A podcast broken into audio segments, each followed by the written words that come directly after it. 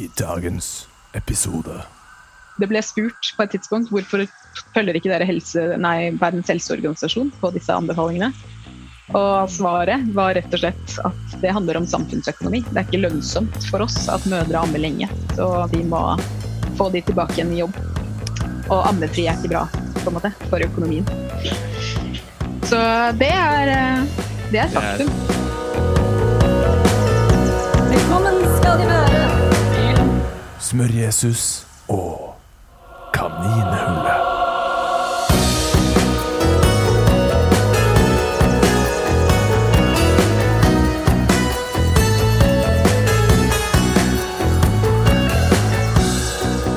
Ja. Oh, shit! Vi er her. Smør-Jesus podcast. Jeg har vel kommet frem til at eh, introduksjoner ofte, med meg i hvert fall, blir lame. Så jeg skal holde det kort. Vi er her med Kristine Westøl. En ammeekspert. Oh. Eh, og vi eh, Jeg gleder meg utrolig mye til å snakke med henne her, sammen med dere. Jeg har fått en, ja, en vakker mulighet til å jobbe med Kristine på sammen på Mari Krokshus sin eh, ammeguide. Hvor vi har eh, Hvor jeg har fått muligheten til å plukke huet til Kristine og dykke ned i den veldig spennende verden av amming. Hvor jeg har fått avdekket mye interessante faktaer. Og fått eh, hodet mitt sprengt av mange ganger. Jeg, veldig, jeg har vært veldig sånn, det har vært veldig overraskende for meg hvor utrolig spennende dette temaet har vært. Og ja, så dette skal vi dykke inn i. Hei, Kristine. Hei. Bra introduksjon. Takk. Så jeg klarte det. Det begynner å komme Ja. seg.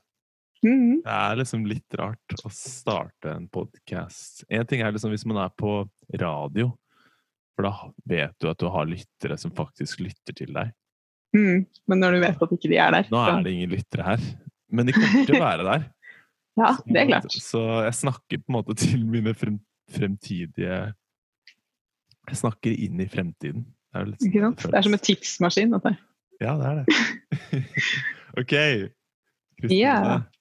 Eh, kan ikke du bare starte litt med uh, din bakgrunn, og hvordan du endte opp med å bli en ammeekspert? Jo, altså Jeg uh, fikk mitt første og eneste barn i 2013. Ja. Midt i ernæringsstudiet mitt. Og selvfølgelig via skolen så hadde vi jo litt sånn basic informasjon, fordi vi snakka litt om barnemat og vi snakka litt om amming. Og så hadde jeg jo Altså hele familien min består av kvinner som har ammet barna sine i hvert fall et år. Uh, Ja. Så jeg var veldig sånn Jeg skal amme. Det er logisk. Mm. Um, og så begynte jeg jo bare å lese meg opp, fordi at jeg har en tendens til å gå veldig nerdete til verks når jeg først finner et eller annet som er litt sånn mildt interessant. Og så Ja. Jo mer interessant det er, jo dypere går jeg. på en måte. Ja. Så uh, underveis i graviditeten så begynte jeg å lese meg opp på amming. Og først så var det jo alt dette grunnleggende greiene sånn hva inneholder morsmelk, proteiner og fett og sånne ting. Mm. Og så fikk jeg barn. Og så hadde jeg jo fryktelig mye tid da, når jeg satt der og amma, til å Mm. lese. Og dette er jo hvorfor vi har smarttelefoner, for å lese opp amming når man sitter og ammer, Ja. eller noe. Så da leste jeg opp meg enda mer, og så på en måte slutta jeg ikke med det, egentlig. Og så slutta jeg heller ikke å amme, på en måte. Så det bare fortsatte jeg med. Og så starta jeg en gruppe på Facebook som heter Ammegruppen, Mm. som, er, som på en måte ble ganske stor, som på en måte gikk på alt som er grunnleggende med amming av babyer og små barn. Mm. Um, og mens, mens Altså, dette var jo en reise, liksom, for meg Ja. som mor og som ernæringsterapeut. Og alt det der, så på en måte ble det altså det, gikk, det ble liksom litt til mens man gikk, på en måte. Sånn er det jo med amming òg. Du blir litt det er Ingen som sitter og på en måte tenker at ja, en gang så skal jeg amme en seksåring, men veien blir til mens du går, på en måte. Mm. Og så, så når hun var Datteren min var to år, så starta jeg en gruppe til som het Amming uten grenser. Ja. Som nå er Norges eneste og største gruppe for kvinner som ammer barn over 15 måneder. Det er liksom nederste grensa vår. Vi har unntak for folk som på en måte virker veldig klar for å amme lenge. Fordi jeg også var der. Når jeg fikk barn, så var jeg sånn Selvfølgelig skal jeg amme til minst to år. ja. For det anbefaler Verdens helseorganisasjon, så da er det jo bare å sette i gang, liksom. Ja, for det Så- er den grensa de har. To år. Eller de Minimum to år, sier Verdens helseorganisasjon. Oi. I i-land. U-land så er det lenger. Unicef Wow. har en kampanje nå som går på at alle skal amme minst tre år i u-land. Ja. Så, Nettopp. ja. så da var liksom Det var mitt første mål. Og så begynte jeg å lese meg opp på antropologi og forskning og alt som hadde med fordelene og helseeffekten og tilknytningsomsorg og alt sånt som det der. Mhm. Og da kom jeg over Kati Detweiler, som er antropolog, eller var, mulig hun er død. Ja. Antropolog og forsker som hadde gått inn for å prøve å finne ut hva som er naturlig ammesluttsalder for mennesker. Mm. Basert på bl.a. studier av primater og andre pattedyr. Ja. Um, og selvfølgelig antropologiske studier i forhold til stammesamfunn og sånne ting som det. Og da kom hun tydeligvis fram til at to og et halvt til sju år med et verdensgjennomsnitt på rundt fire og et halvt er når barn slutter av seg selv å amme. Ikke sant. Så da satte jeg meg et nytt mål. Minimum to og et halvt år fram til selvanvending. Ja. Og så endte jeg opp med å amme i nesten sju år. Ja. Wow. Og underveis i dette så, så har jeg også amma en hel haug med andre unger. Ni barn til sammen, faktisk. Yes. Mine venninners barn og forskjellige altså, Av ulike grunner. Barnevaktamming og sånne ting som det. Ja.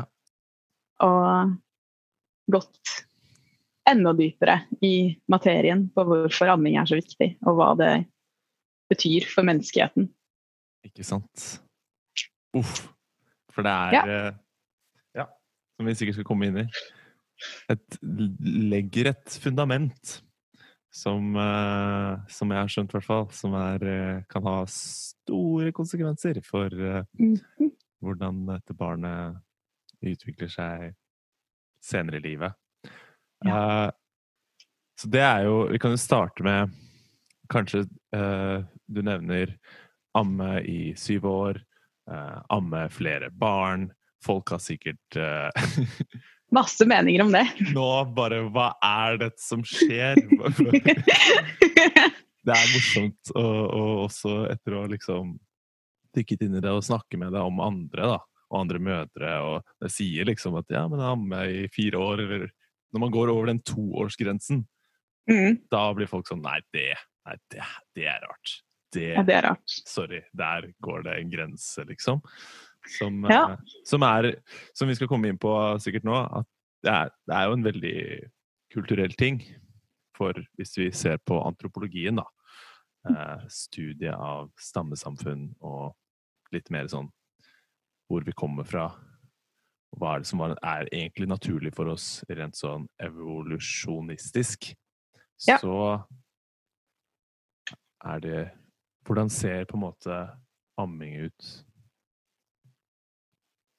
for typiske stammesamfunn? Du har jo sikkert flere eksempler, men eh, Ja, nei, altså I et stammesamfunn så er det jo sånn at for det første så vokser man jo opp i en kultur hvor amming er like naturlig som å spise med annen mat eller mm, å gå og samle mat. Altså, du, på en måte, alle de hverdagslige gjøremålene er amming en integrert del av. Så alle som vokser opp, alle jenter som vokser opp i en stamme, vil, altså sånn de er på en måte ment å gjøre fra naturens side, så vil de bli eksponert for at mor ammer søsken, for de blir amma lenge selv. mm, Eh, tanta ammer, og hun i nabohytta ammer, og alle ammer, på en måte. Og det gjøres som en integrert del av hverdagslivet. Ikke sant. Um, det er veldig mye spennende å lese om akkurat den delen her. Hvis man eh, sjekker opp Katie Bowman og amming, Ja. så finnes det noen podkaster som handler om akkurat det med liksom hvordan amming har på en måte blitt en sånn stor greie. hvor man fordi folk ser jo for seg at man må sette seg ned og så må man på en måte bli i en sofa i årevis. fordi at Mm. det er jo ikke noe annet å gjøre. Du kan jo ikke amme on the go, liksom. Men det kan du. Ja. Og i på en måte menneskehetens historie så er det det vi har gjort. Altså, da har du ungen i bæretøy eller på hofta, eller noe sånt, og så forsyner de seg litt sånn når de føler for det Og så går de rundt, og så tar de en slurk fra tanta si fordi at mor måtte lage mat, eller noe sånt. Altså, Ja. det kryssammes, og det ammes generelt. Og alle bare gjør det, fordi det er ikke noe alternativ. Det finnes ikke noe morsmelkerstatning. Det finnes ikke noe Altså enten så ammer du, eller så dør barnet. Det er så enkelt. Ikke sant? Og du følger Så- de, naturlige instinktene som, som er installert i oss. Ja, Ja. Fra vi har vært aper og mindre Vi er pattedyr. Pattedyr betyr at vi ammer barna våre. Det er det det begrepet betyr. Ikke sant? Så, og vi er også pattedyr. Vi er ikke liksom Det er jo, virker som det er mange som liker å tenke at vi har evolvert oss til et nivå hvor vi ikke trenger å ha noe som helst med naturen å gjøre lenger. Vi kan bare leve av eh, kunstig mat og bo i betongblokker og aldri se dagslys og aldri Ikke sant? Altså, Mm. vi liker å fjerne oss fra naturen, og dette er jo en av, et av de beste eksemplene på hvordan vi har bare virkelig fjerna oss fra naturen de siste generasjonene med menneskehet. på en måte. Ikke sant? Det Men er det bra for oss? Nei Begynner å Etter min egen utforskning så begynner det å se ut som at det ikke er det, i hvert fall. Mm -hmm. um, for det er jo Ja, dette med at amming er en så integrert del av uh, Bare sånn fra du er født, da, så ser du folk amme hele tiden. For i vår kultur så er det jo veldig sjeldent Mm. se en, en dame amme.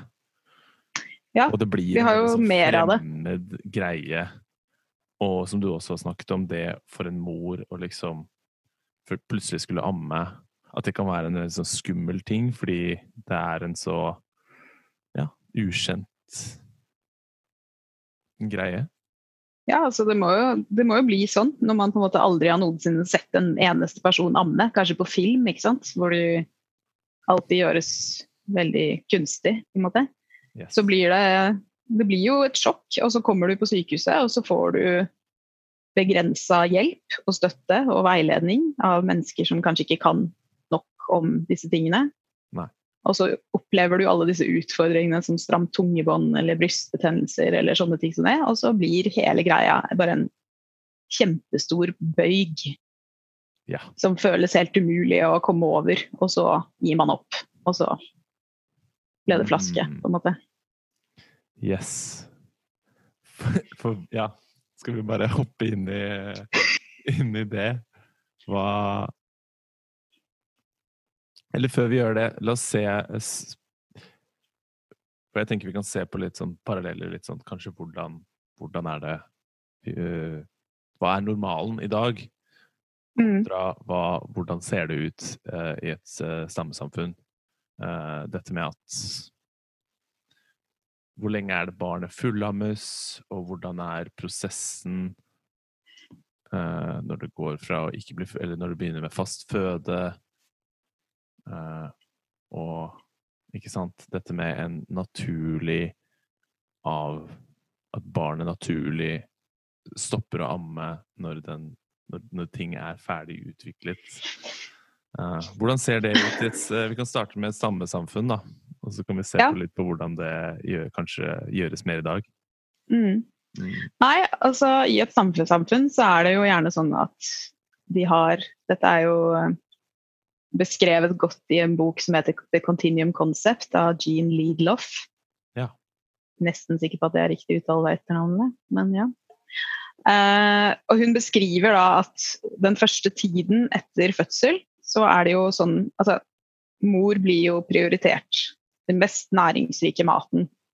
Og de beste delene av jaktutbyttet eller den de fineste grønnsakene osv. Som på en måte, det blir prioritert til de gravide og de som ammer. Ja. Så da blir jo mor varta opp på alle kanter de første ukene etter fødsel for å komme seg fortest mulig, for å få i gang melkeproduksjonen, for å på en måte slippe å stresse. Altså, så alle bare bare varter opp. Ja, basically. tar det med ro. I mange kulturer er det vanlig at seks uker etter fødsel så ligger du basically bare og ammer. Ja. Og så er det noen som henter mat til deg og vasker huset ditt og Det er jo fortsatt vanlig- Sånn der eh, vifte ja. ja, jeg vet ikke om vi vifter. Kanskje hvis hun er varm, så kan det hende med vifter. Men det er, det er jo fortsatt vanlig i mange kulturer at de har såkalt barsel, en barselperiode. Da, som, hvor det Mm. prioriteres. Fordi at man skal få i gang ammingen og man skal få alt på plass. Og så har du bestemoren og tanta og alle de som har ammet før deg, som kommer og hjelper deg og gir deg råd hvis det er noe som er utfordrende, eller hjelper deg å få babyen på riktig plass og alle disse tingene. mm. Og så er det, er det på en måte den første tiden etter fødsel, første måneden etter fødsel, eh, kalles in arms-fasen. Ja. Og er det, da er babyen på, eller inntil noen voksne. Mm. Hovedsakelig mor, selvfølgelig, men også andre voksne nære slektninger og sånne ting. Mm. I 24 timer i døgnet. Ja. Det er ingen som legger ned babyen sin. Det liksom, enten bærer du babyen din, eller så ligger du inntil babyen din om natta. Samsoving. Det er normen. Mm. Og, så babyen er da inntil kroppskontakt, hudkontakt, hele tiden med noen. Til de begynner å søke utover, sånn i 68 måneders alder, hvor de begynner å, kanskje begynner å krabbe og sånne ting som det. Og da Altså det er et valg babyen tar selv. Det er sånn OK, nå er den klar. Nå har den lyst til å krabbe litt bort her, liksom. Ja. Og da vil de jo utforske på både nærområdet, gå litt vekk fra mor, komme tilbake til mor. Og så vil på en måte radiusen bli stadig større Mm. i forhold til hvor langt unna de går primæromsorgsperson. Da. Nettopp. Og, og der er det jo også sånn at man Det er jo ingen som på en måte teller. Ok, nå er babyen seks måneder i dag, da er det på tide å innføre fastføde. Her er den første grøten. Det er ingen som Ingen som har tatt ikke det. som gjennomsnittet av alle tidligere fødsler og liksom OK, uh, dette tidspunktet så skal vi passe på at barnet begynner å spise sånn, og ja. Nei. Nei. altså Der blir man jo født når man blir født, og så Ja. blir man, begynner man å spise når man virker som man er interessert i å begynne å spise. Altså, da er det jo Disse baby-led weaning-tegnene er jo på en måte basert litt på hvordan det ble gjort for millioner av år, i millioner av år, på en måte. Altså hvordan vi har Altså når barnet kan sitte selv, når det kan Når de ikke har den tongue thrust-refleksen hvor de spytter ut ting de får i munnen, Mm. og når de har evne til å gripe, og når de på en måte prøver selv å få tak i maten og putter den i munnen. Det, kan ikke, det skal ikke forveksles med at et barn på fire måneder prøver å ta alt og putte det i munnen, fordi de gjør det.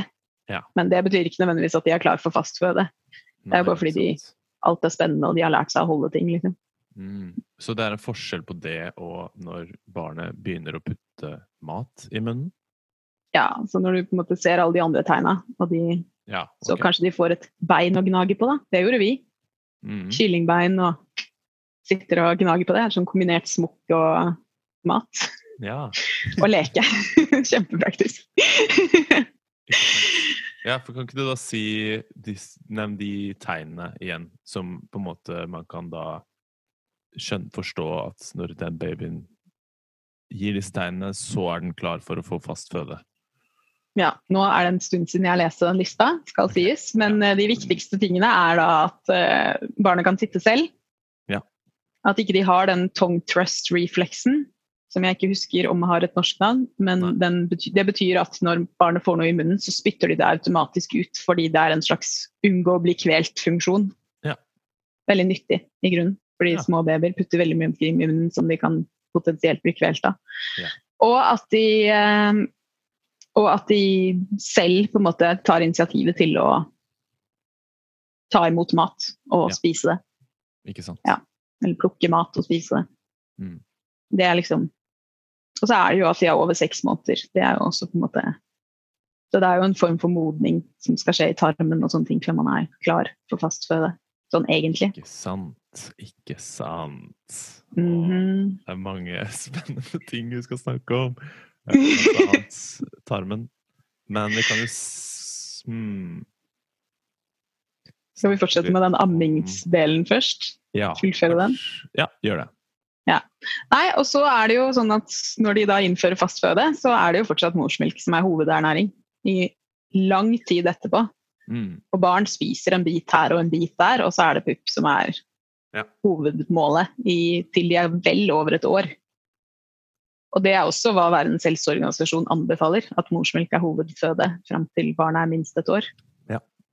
Så, og det er jo sånn at, at det blir jo mindre og mindre amming. Og så går det i bølger. Hvis barnet går, går gjennom en utfordrende periode, etter utviklingssprang, eller kanskje de bytter barnehage, eller man flytter, eller noe skjer på hjemmebane, så kan det være stressfaktorer som gjør at man ammer mer i perioder. Fordi at amming er jo også en tilknytning og stressreduksjon. Yes. yes. Så- det var det jeg ville si når du nevnte det med kroppskontakt, at barnet er inntil menneske de første seks månedene. Fordi Mhm. det spiller en veldig, veldig viktig funksjon i forhold til hva som foregår fysiologisk inne i det barnet. Men også Ja, det har jo- sånn ja. Ja, det påvirker jo DNA-et. Ja. Jo mer hudkontakt barnet får, jo mer effekt har det på Altså det påvirker påskruing og avskruing av viktig DNA-materiale. Mm. Så eh, det er, jo, det er jo gjort studier som viser at barn som blir eh, neglisjert, bl.a. med kroppskontakt, har mindre utvikla hjerne i en alder av tre år. Og da snakker vi så store forskjeller som en tredjedel mindre hjerne. Liksom. Wow. Mhm. Ser man det på noen sånn spesifikk del av hjernen? Fordi et, et, som jeg i hvert fall har forstått i stor grad, er jo at uh, dette med sosial, empatisk Altså ut, de evnene der, da. Sosial Ja. intelligens og empati, at det er noe legges jo grunnlaget veldig de første tre åra av livet. Ikke sant? Og det er, jo, det er jo også forskere som mener at måte, hvis ting har gått galt de første tre åra av livet, så skal det mye til å klare å reparere det. Altså, mm, yes. og det er jo de mest det er de viktigste årene i livet til barnet ditt, fordi det grunnlaget som legges da, det kan i grunnen ikke repareres etterpå Mm. hvis det går galt. Jeg hørte det Så- eh, nylig at eh, ja, hvis barnet ditt ikke er altså utviklet godt rent sånn sosialt, at de ikke klarer å være ordentlig sosial med andre i løpet av Mm. ja, innen fire års tid, så har du bare sånn ekstremt eh, økt risiko for å havne i fengsel, eller altså bare at ting går ganske kjipt for deg, da eh, mm. senere i livet. Så Ja, det stemmer det.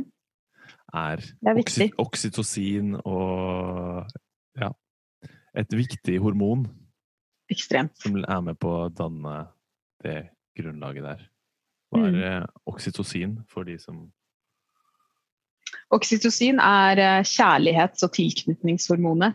mm, Det spiller eh, mange roller i kroppen, men blant annet så har det jo effekt på utdrivingsrefleksen når man ammer. Eh, Så lite Ja. oksytocin vil gi dårligere utdriving. Ikke sant? Så en veldig Eh. viktig rolle i melkeproduksjon og ja. I tillegg så er det jo kjempeviktig for tilknytningen mellom mor og barn. Mm, Og selvfølgelig far og barn. Altså, det er mange ting man kan gjøre som kan utløse oksytocin utenom det å amme, men amming er en av de tingene som utløser mest oksytocin, både i mor og i barn. yes. Og det er derfor man veldig ofte føler seg helt sånn ekstremt forelska i ungen sin når man ammer. Mm, Sitter der og bare 'Å, så søt du er!' Ja. Ikke sant? For de aller fleste i hvert fall så er det jo den effekten det har. Ja, Ikke sant? Så, og det er jo altså Oksytocin legger jo grunnlaget for hele tilknytningen, og jo mer oksytocin du har utløst deg imellom, Mm, Det er jo litt sånn altså, Det er jo sånn som på de tegnefilmene vi så når vi var barn. Hvor det var sånn amorfigur som drev og skøyt folk med piler i rumpa, ja, og så ble de forelska. det er akkurat sånn oksytocin fungerer. Den pilen i rumpa er jo oksytocin eh, eh, utløsning i kroppen, på en måte, og fører deg nærmere den personen som du har i nær radius når dette hormonet er aktivt. Da. Ja. Så når du da har barnet inntil deg, så får du masse oksytocin, barnet får masse oksytocin, og tilknytningen bare styrkes og styrkes. Ikke sant. Og den, det grunnlaget, det, det er sykt viktig. Både for fysisk utvikling og for emosjonell utvikling hos barnet. Ikke sant. Og for ja, den Og for mor. Ikke sant. Mellom mor og, og barn. Mm. Barn er vel Ja, de kan jo Det er jo ikke Hva skal man si Sagt at uh, barn At man Jeg vet ikke, at man kommer til å like barnet sitt. Nei, altså det er faktisk. Det er jo ikke gitt nødvendigvis det. Altså Noe kan jo gå galt. på en måte. Ting, det, Mm. ting går galt hele tiden. F.eks. så kan man jo ende opp med keisersnitt. mm, Det er jo veldig mange hormoner som utløses under fødsel, som spiller en viktig rolle i tilknytningen som du får til det spedbarnet i det øyeblikket det kommer opp på brystet ditt. Ja. Og hvis den fødselen blir forstyrra på en eller annen måte Mm. med diverse intervensjoner, så kan det påvirke hvordan man knytter seg til barnet. Det er mange som sliter med fødselsdepresjon. Da er det jo et eller annet som har gått galt. ikke sant? Det trenger jo ikke på en måte å ha noe med keisersnitt å gjøre, men det kan være en hormonell ubalanse som gjør at oksytocinen ikke funker som det skal. da. Så du sliter Ja. med å knytte deg til barnet ditt. mm. Men det er jo Kjempespennende. Men jeg tror, vi skal, jeg tror vi skal prøve å holde oss eh, Vi er veldig gode til å holde oss til tema, er det ikke det vi er best på? Nei. Jeg tror Nei. vi er veldig flinke til å, å bygge eh, digresjoner som bare sendes Ja. helt annet. Eh, jeg må bare huske alle disse tingene vi snakker om, sånn at vi kan ta det opp på senere tid. Men uh, fordi vi snakket om amming og stammesamfunn, og hvordan For da ammes bare barnet uh, til barnet naturlig trekker seg bort fra puppen. Ja, altså det blir mindre og mindre etterspørsel, rett og slett. Altså De vil gå lengre og lengre perioder uten å ønske å ammes. Og altså det siste året for min del så var det jo snakk om annenhver uke til en gang i måneden, kanskje. Helt på slutten. Ikke sant? Så du, du sitter jo ikke og ammer en seksåring 24 timer i døgnet, som du gjør med en seks måneder gammel baby. liksom. Det er jo ikke sånn det funker. Eller seks uker gammel. Det kan Det jeg er, å poengtere. At uh, når folk sier liksom å amme i syv år, ikke sant, så bare Men helvete, skal jeg ikke få lov til å ha noe personal life? I Skal kan aldri dra noe sted i sju år. Det er sånn det funker. Men at, ja, ja, at det går Det er ikke, ikke realiteten. Du kan fint reise bort en uke fra en unge på seks år uten at det har noe med å si for amminga. Ikke sant. Um, Ja. Eller lenger, for den saks skyld. Jeg vet om folk som har reist bort mye lenger enn det og kommet tilbake og amma likevel. Så, Ja. så det er fullt mulig. Men um, nei, altså det går gradvis, og det sluttes gradvis. Og det er jo studier som tyder på det at dette har en fysiologisk funksjon. Dette med når Mm. barnet slutter å amme, er jo eh, satt i sammenheng med tarmflora og immunforsvar. Altså når barnet er klart til å klare seg uten antistoffer og stamceller og, og eh, probiotika og prebiotika fra morsmelken, så, og immunforsvaret da på en måte er ferdig utvikla, det er jo rundt seks-sju års alder. Ja. Og tarmfloraen på en måte er optimalisert så godt som det lar seg gjøre i dagens samfunn, da, for så vidt. Men Mm. at barnet da på en måte avslutter, for da trenger de ikke lenger den hjelpa, Støtten som støtten. fra melka. den ennå ikke Sin egen kropp ennå ikke har på en måte utviklet, da. Ikke sant? Mm. Ja. Og det er jo, altså det er jo ikke, det er jo fryktelig lite forskning på langtidsamming. Det er jo altfor lite av det, fordi det er jo ingen som på en måte koster masse penger, og så er det ingen som gidder å sponse det, for hva i all verden, hvem tjener på det? liksom? Ingen tjener på det. Ja. Så, så det er jo altfor lite. Så dette er på en måte, det blir jo på en måte mye av, mye av det man snakker om når man snakker om amming, er på en måte summen av forskning som fins, Mm. og antropologi, kunnskap om evolusjon, hvordan det fungerer, og hva vi har gjort på en måte til alle tider Eh, og en altså fysiologisk kunnskap om fysiologi. Da, hvordan f.eks. at immunforsvaret ikke er ferdig utvikla når barnet kommer ut av magen. Det spesifikke immunforsvaret sant, tar lengre tid. Sånne ting vet vi, og så legger vi sammen én pluss én, og så får vi to. på en måte. Og så kan man ikke nødvendigvis si at ok, dette er bevist. 100% no doubt. Men dette er en teori. Dette er en logisk mulighet for at det er sånn det fungerer. liksom. Make sense, i hvert fall. Make sense, rett og slett. Mhm. Ja, det er bra. vi, eh, skal vi snakke om eh, kanskje hvordan ting ser ut i dag, da? Ja, i Norge. Ja. Ja. Nei, altså vi har jo ikke veldig nylige tall. Den siste mor-barn-undersøkelsen den var i 2013. Ja. Og eh, der var det eh, ikke så fryktelig optimistiske tall. Eh, det var vel rundt 36% som fortsatt fikk morsmelk når de var ett år gamle. Mm. De aller fleste starter å amme i Norge. Det er veldig høyt tall, kanskje 95-98% eller noe sånt nå. Ja. Starter å amme Mm. når de får barn. Eh, vi har jo en veldig mye bedre liksom, kultur for amming her vi har, enn de har f.eks. i USA, hvor mor skal tilbake på jobb etter seks uker, og det egentlig er best å bare gå rett på flaska. Så vi er jo sånn sett heldige, og vi har lang permisjon, selv om den klarte de å kutte en god del for et par år siden. Ja. Uh, så det legges jo opp til at man skal amme, og helst Mm. da altså, Helsedirektoratet sier minimum ett år. Som for øvrig er pga. Eh, samfunnsøkonomi, har de uttalt offentlig. Jeg syns det er litt morsomt. De måte, det ble spurt på et tidspunkt hvorfor følger ikke dere helse, nei, Verdens helseorganisasjon på disse anbefalingene. Og svaret var rett og slett at det handler om samfunnsøkonomi. Det er ikke lønnsomt for oss at mødre ammer lenge, så vi må få de tilbake igjen i jobb. Og ammefri er ikke bra på en måte, for økonomien. Så det er, eh, det er et Det er- faktum. Prioriteten. Prioriteringa er eh, på samfunnsøkonomi. Fem år fram i tid, da, fordi at på lang sikt så hadde det jo vært veldig lønnsomt for samfunnet om ammetallet gikk opp. Ja. Men eh, det er jo ikke så relevant for folk som skal velges om fire år. på en måte. Nei. Så nei. så det er øh, høye ammetall, men så synker det veldig kraftig de første tre månedene. Så går Mm. fra veldig mange ammer til veldig mange slutter å amme. Og det er jo fordi at det Slutter er helt, ja. Ja, slutter helt. Eller kanskje de delammer en periode, og så Mm. går det helt over. Ja. Og dette handler jo om rett og slett bare elendig veiledning Mm. og lite kunnskap. Mm. Fordi vi lever på en måte i et samfunn hvor vi skal passe på at ingen blir lei seg.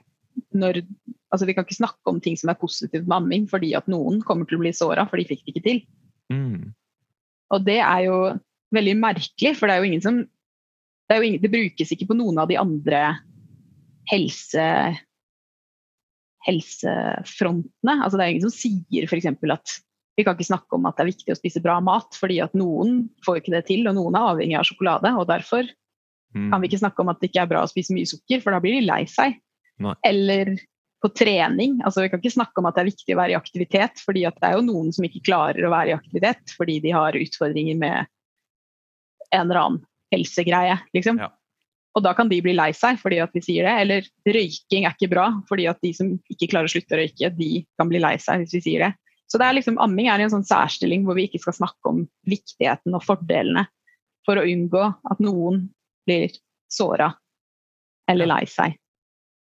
Og det er jo, etter min mening, da, helt en skikkelig dårlig strategi. Ja.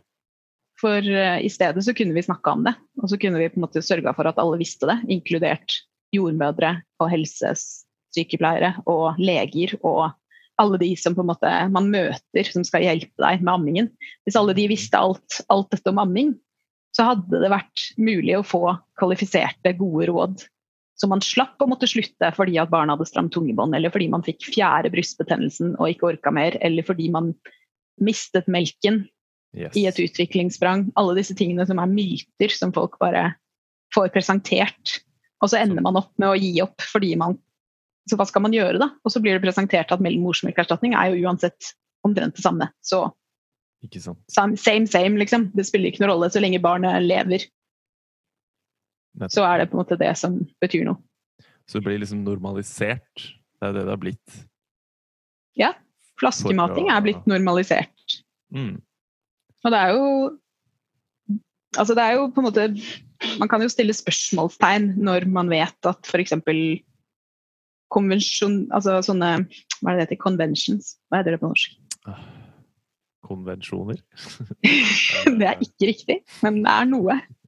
Conventions. Altså sånn helsesykepleiere drar på sånne samlinger, kan vi jo kalle det, og får fagoppdateringer. Og de samlingene sponses av Nestle. Mm. Ikke sant? Det er Nestle som på en måte de sørger for at det blir penger nok til at alle kan dra på de samlingene. Og det er klart at selv om det ikke er lov i Norge å reklamere for altså pushe morsmelkerstatning på nyfødte spedbarn, så Mm. blir det i praksis bare sørga for at alle tror at det er det samme. Altså jo mer altså ja, ja, det er bra å amme, liksom, men det viktigste er jo at barnet lever. Mm. Og derfor er det jo egentlig samme om du bare går over til flaske, og det blir folk av de òg. Yes. Og når fagpersonene sitter der på en samling og får beskjed om at morsmelkerstatning er kjempefint av sponsoren og den samlingen, så er det jo relativt stor sannsynlighet for at de går hjem og på en måte ikke tenker at hei, la meg lese meg opp på amming, sånn at jeg kan hjelpe den neste moren med alle de problemene hun skulle ha, sånn at hun får til det når hun vil amme. Mm. Ikke Ja. sant. Det ble en skikkelig rant. Jeg liker det. I like, like your rants. Ja, det er bra. Um, ja. For alle disse tingene som kan skje, stram tungebånd, eh, stopping av stansing av melkeproduksjon Igjen, det blir sett på som vanlige fenomener, men de har, jo sin rot i, i noe. Men det kan vi også sikkert eh, komme tilbake til. Um, Ja, vi, er vi masse kan vi prøve å huske alt dette og så holde oss under to timer. Lykke til. Um, ja, for det som skjer da, er jo at mange begynner med morsmelkerstatning. Og er det noe Mm. sånn Hvordan er det med hvor mange, så Er det noen statistikk på hvor mange som f.eks. ammer etter et år? Hvor mange er det som hopper av etter et år? De aller fleste, vil jeg si. Nå er jo de tallene såpass gamle at de tar jo ikke med i betraktning f.eks. den nye permisjonsordningen. Nei. Eh, vi kan jo anta at ammetallene for ettåringer har gått drastisk ned fordi mor må starte jobb når barnet er åtte måneder gammel. Rundt der. Så um, det er, det er rett og slett veldig sjeldent at Og så er det jo også noe med den kulturen vi har som på en måte sier amming er bra til et år. Og så slutter det å være totalt altså Da er det totalt unyttig, og det er bare for mor. Og det er ikke noe som helst funksjon i det hele tatt for den ungen å amme etter et år, så da er det bare å kutte det ut. Ikke? Få, få det unnagjort, liksom. Så det presenteres jo som den eneste løsningen. Man skal liksom amme til barnet er et år hvis man på en måte absolutt insisterer på å holde på så lenge, og så skal man slutte. Yes. Og det som er lenger enn det, det er litt sånn ek- Det, er litt, det blir uglesett, eller? Det blir uglesett Ja. Hos veldig mange, spesielt på internett. Ja. det, jo, det varierer jo litt, på en måte, men altså, det, er jo, det er jo på en måte alt fra at man gjør det for sin egen del, hvilket er sånn, sånn veldig fascinerende konsept. Altså Folk presenterer det som et argument. Du gjør det bare for din egen del. Og så er det sånn Hva betyr egentlig det? Altså, Hva mener du nå, liksom? Hvorfor altså, Er dette liksom det er liksom, bare sånn slenger det ut. Det er sånn slenger det ut fra seg. Og så er det ingen som på en måte egentlig, tror jeg, tenker grundig gjennom hva det egentlig menes med det. Altså hva legger du i at jeg gjør dette for min egen del? Det skjønner jeg ikke heller. At du får en eller annen rus, da. Av liksom. Ja, altså, at det er jo altså, ikke At eh, du utnytter babyen din for å få den rusen. ja, altså Da blir det jo sånn, hvis man begynner å spørre folk, da, så blir de ofte veldig stressa. fordi at de innser jo at dette her går jo i kategorien 'vi tror du gjør det for din egen del fordi at det er seksuelt for deg å gjøre dette'. Mm. Ikke sant? Fordi at med en gang babyen bikker et år, så går det fra å være en fin handling du gjør for barnet ditt, til å være en pervers handling du gjør for din egen del. Nettopp. Ja, ok. Det det. Sånn, over natta så bare plutselig så blir det en helt annen opplevelse å amme. Ikke sant? Wow. Og det er jo bare helt sykt, egentlig. Altså, Ikke sant? det, det på en måte er utsagn du får fra folk som aldri har amma, egentlig. Det er liksom sant? For det er gjerne folk som ikke har rammet heller. Ja. For det er liksom, altså Du kan ikke sitte der og på en måte ha amma en toåring og vite hvordan det er, og så på en måte kommer du med en sånn uttalelse, fordi da vet du bedre. rett og slett. Det er ingenting nytelse ved å amme et barn som står på hodet og klatrer oppover sofaryggen bak deg mens de drar i brystvorta til den er så lang, ikke sant? og bare Mm. og skal ha, skal ha pupp når du står og lager middag. og altså, Alle disse tingene. Det er utfordrende. Det er en drithard jobb, rett og slett, å amme, amme generelt. Uansett hvor gammel barnet er, så er det en kjempeutfordring. Og så gjør man det fordi man tror at det er best for sitt barn. Og det burde være nok, på en måte, for folk. Men det er jo ikke det, da. Nei. Så, men det også er jo kulturelt, ikke sant. Altså, vi, er, vi lever i en kultur hvor pupper kun har én funksjon, og det er å se sexy ut. Ikke sant? Selge Altså- bikinier og Selge bikinier. Det er det. Det er derfor vi har pupper i Vesten i dag. på en måte. Og den amminga er bare en sånn bieffekt som vi må leve med en stund, og så må vi slutte med det, så vi kan være sexy igjen. Ikke sant? Og det Ja. Det også er jo veldig sånn merkelig konsept. Mm. Fordi eh, hvorfor er det så veldig stor forskjell? ikke sant? Altså det blir jo liksom Kan jo sammenligne det med at hender kan jo brukes til mye gøy, det. liksom. Oh yes. Men det betyr ikke at alle ting du gjør med hendene dine, er seksuelt. på en måte. Nei. Mm. Det blir like dumt, egentlig, hvis man tenker seg om. Jeg likte den. uh, la oss snakke litt om uh, morsmelk, og hvorfor det er så forbanna bra for oss. Uh, ja, hvor starter vi da? Ikke sant? Hmm. Det er jo en, en melk som er bare sånn over millionervis av år det sakte liksom designet den konkre, de konkrete byggesteinene og det konkrete drivstoffet barnet trenger uh, til- For å overleve? for å overleve, og for å Mm. bli et menneske, og for å vokse Optimalt. optimalt, som det et menneske må gjøre, og ehm, Nei, altså Det er jo helt Det er jo helt briljant, dette designet. Det er jo helt Når man begynner å gå inn i dette, så er det jo sånn Du blir jo, som du fortalte i stad, du blir helt blåst av banen når du begynner å innse hvor mange stoffer som Ja. finnes i morsmelk, og hvor lite vi vet foreløpig. mm? Fordi det er jo også et faktum. Vi vet nesten ingenting om morsmelk. Ikke sant? Det finnes Man finner nye proteiner og Ja. Kan vi snakke om laktoferin, som de nye fant ut Ja, det er kanskje ikke så, så kort tid, siden? Ti år siden? det er ganske kort tid siden de fant ut hvorfor i all verden det var laktoferin i morsmelk, som er liksom en av de hoved... Altså den, den sukkerarten det finnes mest i morsmelk, er laktoferin.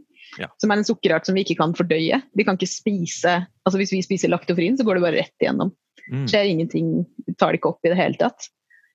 Og så syns de det var veldig merkelig da, at det var så himla mye laktoferin i morsmelk. For hva, hva var det der for? Og så er det jo sånn typisk sånn for, for uh, forskere og på en måte vitenskapens historie. Den derre evige 'Dette forstår vi ikke, ergo er det sikkert ikke noe vi trenger'. Det er bare sånn tilfeldig plassert her, liksom. ja.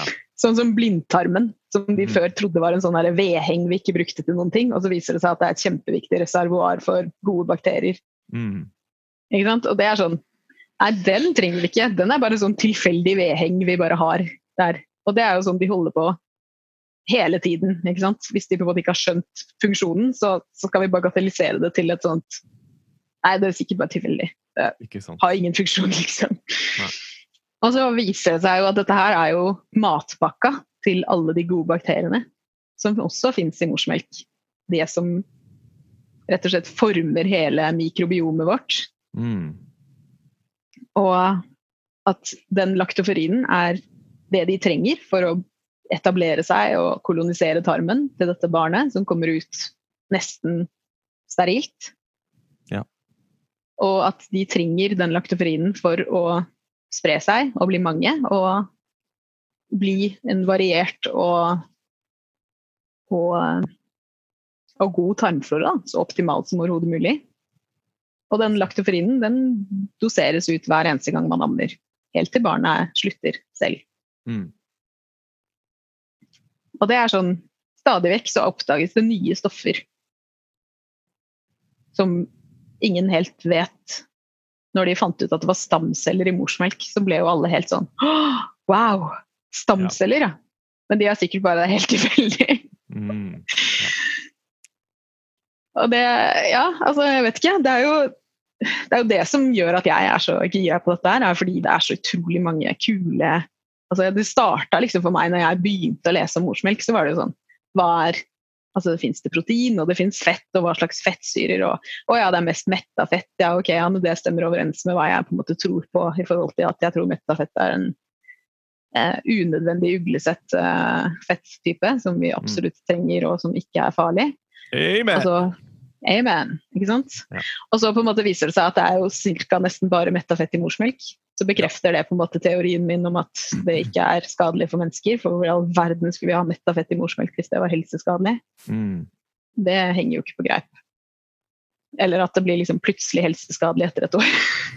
Ikke sant? veldig, også veldig lite logisk. Så er liksom, Først så starta det med det, og så begynte jeg å, å finne mer og mer informasjon om, om vitaminer og mineraler. Mm. Um, som også det selvfølgelig speiler jo selvfølgelig mors kosthold og tilstanden. Det er også en ting som man ikke snakker nok om. Viktigheten av å spise bra mat. mor har Mm. å ernære seg selv. Ja, fordi det, morsmelk inneholder til enhver tid det barnet trenger. Så framt det er noe å ta av. Er det tomt for B-vitaminer hos mor, så er det ikke B-vitaminer i morsmelk. Nei. Eh, så man trenger adekvate nivåer hos mor for at det skal være noe å overføre, da, rett og slett. Mm.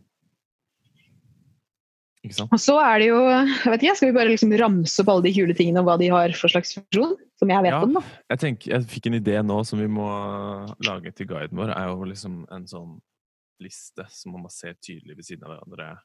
Hva morsmelkerstatningen inneholder, og hva morsmelk inneholder. Men vi starter å Ja, det snakke kan vi ha. hva Dette blir deprimerende lesning. Inneholder. Ja, ikke sant. For det er jo eh, ikke bare proteiner, fett og, og den slags. Det er jo masse hormoner. Mhm. Viktige Ja. hormoner. Vi starter med For- for mye hormoner. av det greia er jo at barnet ennå ikke har ferdig utviklet en haug med organer og Ikke sant? Vi kan jo snakke litt om virgin gut. At tarmen er Lekk. lekk. Man fødes med lekk tarm. Lekk tarm er jo sikkert, i hvert fall de fleste av de som kommer til å høre på denne podkasten vet jo sikkert hva lekk tarm er. Ja. Og det er jo hos voksne mennesker en feilvare, på en måte. Vi skal jo ikke ha lekk tarm. Nei. Men spedbarn fødes med lekktarm, og det er fordi at morsmelk skal tas opp superfort. Det skal absorberes i løpet av kanskje en time gjennom Mm. systemet. Én til to timer, så er det liksom helt fordøyd. Det er derfor det regnes som klar væske når man skal operere, f.eks. Så regnes morsmelk som klar væske. Fordi det har en supereffektiv absorpsjonsrate da, i kroppen. Mm.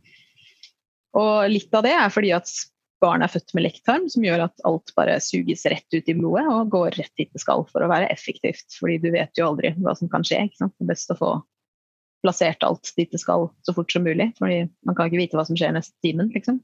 Nei. Så eh, Nå bare kom jeg ikke på hva det var jeg skulle si. Lekktarm. Jeg datt ut. Ja, lekktarm. Ja, nei, så, så lekktarm er jo noe vi er født med, og den skal lukkes helt av seg selv, rundt fire til seks måneders alder et sted, mellom fire og seks måneder, så lukkes da disse tight junctions. Hva er det det heter på norsk? Har det et navn på norsk? Junctions Snakka ikke vi om dette her om dagen, så fant vi ikke ut av det. Tror jeg. Fant vi ut av det. Ja. De hullene i tarmen skal lukke seg. Og det er også en del av prosessen som barnet må gjennom for å bli klar til å spise fast føde. Fordi når fast føde introduseres, så er det proteinkomplekser som går rett inn i blodet hvis din tarmen er åpen. Ja. Og det er ikke bra. Nei. Og det er skal også sånn at- Fordøyes, ikke sant? De skal fordøyes. Mm. Og det er jo også sånn at uh, morsmelk vil legge seg som en slags beskyttende lag, som en hinne på et vis, på innsiden av tarmen. Mm.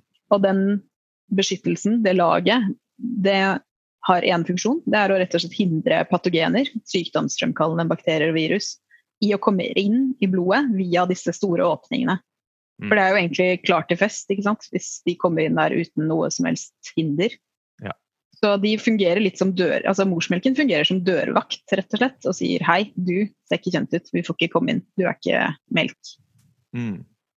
Og, og ved å gjøre det, så, så kan det Altså vil morsmelk da kunne beskytte tarmen og dermed barnet mot infeksjoner. Yes. Sykt viktig. Da kan vi jo snakke litt om infeksjoner da, og antistoffer. Mm. Og litt om de morsomme tingene man har sett med hvordan mor produserer antistoffer i gitte sammenhenger og den slags. Ja. Eh, når det kommer til antistoffer, altså morsmelk inneholder antistoffer så mye at det er snakk om mange hundre tusen antistoffer per teskje morsmelk. Mm. Det er helt sinnssyke mengder, og etter hvert som barnet blir eldre, så er det sånne ting som det som er Altså da er det mindre av eh, fett og protein og karbohydrater og, og mikro- og makronæringsstoffer på en måte, som er viktig. Da er det snakk om de f.eks. den dosen med antistoffer som beskytter barnet mot sykdom. Ja. Det er det viktige, på en måte. Mm. Og det Siden barnets immunforsvar da ikke er altså Det generelle immunforsvaret det fødes man jo med, og det tar jo på en måte noe av det. Yes. Eh, Men det spesifikke immunforsvaret, det som læres opp til å gjenkjenne hver enkelt virus og bakterie og angripe de spesifikt, Mm. Det er jo ikke da ferdig utvikla før barnet er rundt 6-7 år. Nei. Eller ferdig grunnlagt, må vi jo si. Fordi det vil jo fortsette. altså Hver gang du får en infeksjon, så, vil jo, så er det jo akkurat det spesifikke immunforsvaret som læres opp til å gjenkjenne den infeksjonen. Sånn at neste gang du får smitten, så vil du unngå å bli like dårlig. Ja. Det er jo poenget med immunforsvaret. Og hver eneste gang man ammer, så sitter det små kjertler rundt brystknoppen. Mm. Og når barnet har, er kobla på, så vil på et eller annet vis vakuum suge inn spyttet til barnet i disse kjertlene. Yes. Så vil de, det spyttet vil analyseres av mors kropp. Mm. Beskjeden vil gå til, eh, til immunforsvaret til mor om at her er det kanskje en pågående infeksjon av den bakterien eller det viruset. Ok, greit. Så setter, den, så setter mors kropp i gang med å produsere antistoffer som er spesifikt beregna ut ifra den spyttprøven som ble tatt ved forrige amming. Neste amming så kjøres de antistoffene ut og hjelper barnet med å bekjempe, den infeksjonen. Det er helt sjukt. Altså hvor kult er det, liksom? Det får Så det kalles, ikke Ja, si hva det Ja. er. det kalles spit backwash-effekten Mm. Det får du ikke i morsmelk. fra morsmelkerstatning. Nei, det gjør man ikke. Eh, Du har nevnt også det med at mor At hvis det er en person som hoster eller et eller annet Kan ikke du si litt om det? Ja, eh, det er den andre, den andre måten dette kan gjøres på. Hvis Mm. f.eks. mor sitter på en buss, og på den bussen så sitter det en person som hoster. Og den infeksjonen den personen har, går ut i lufta. Mm. Mor puster det inn. Så går det også rett inn til immunforsvaret. 20 minutter senere så har, det har immunforsvaret til mor produsert antistoffer mot den spesifikke infeksjonen, Mm. som da mates ut i morsmelka til babyen ved neste amming.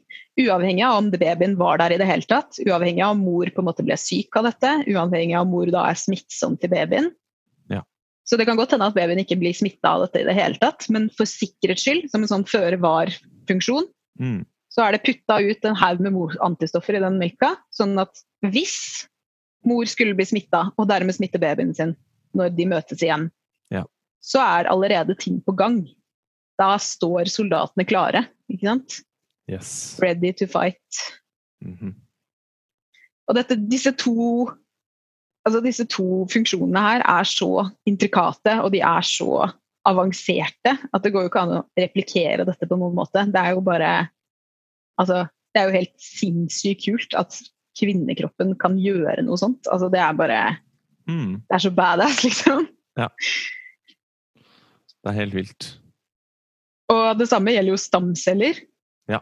Det også er jo en ja, det er jo også en del av dette Altså, mors, altså det å amme gjør at sternt immunforsvar som de kan koble seg på, som å sette inn en harddisk i PC-en din, og så får du inn den informasjonen du trenger, så har du da en eksternt immunforsvar som produserer det du trenger for å bekjempe infeksjoner, som du ikke trenger å ha selv, fordi du kan bare koble det på når det passer deg. Liksom. Ja.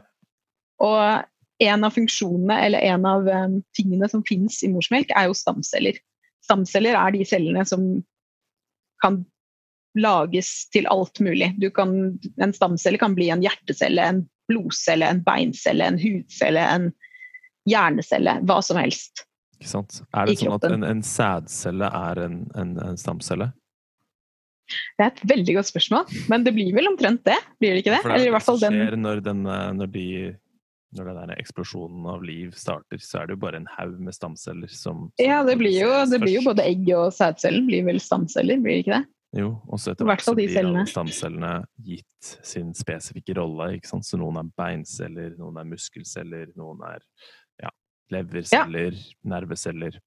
Så en stamcelle er bare ja, en, et, et potensial til å bli en hvilken som helst celle, da. Mm.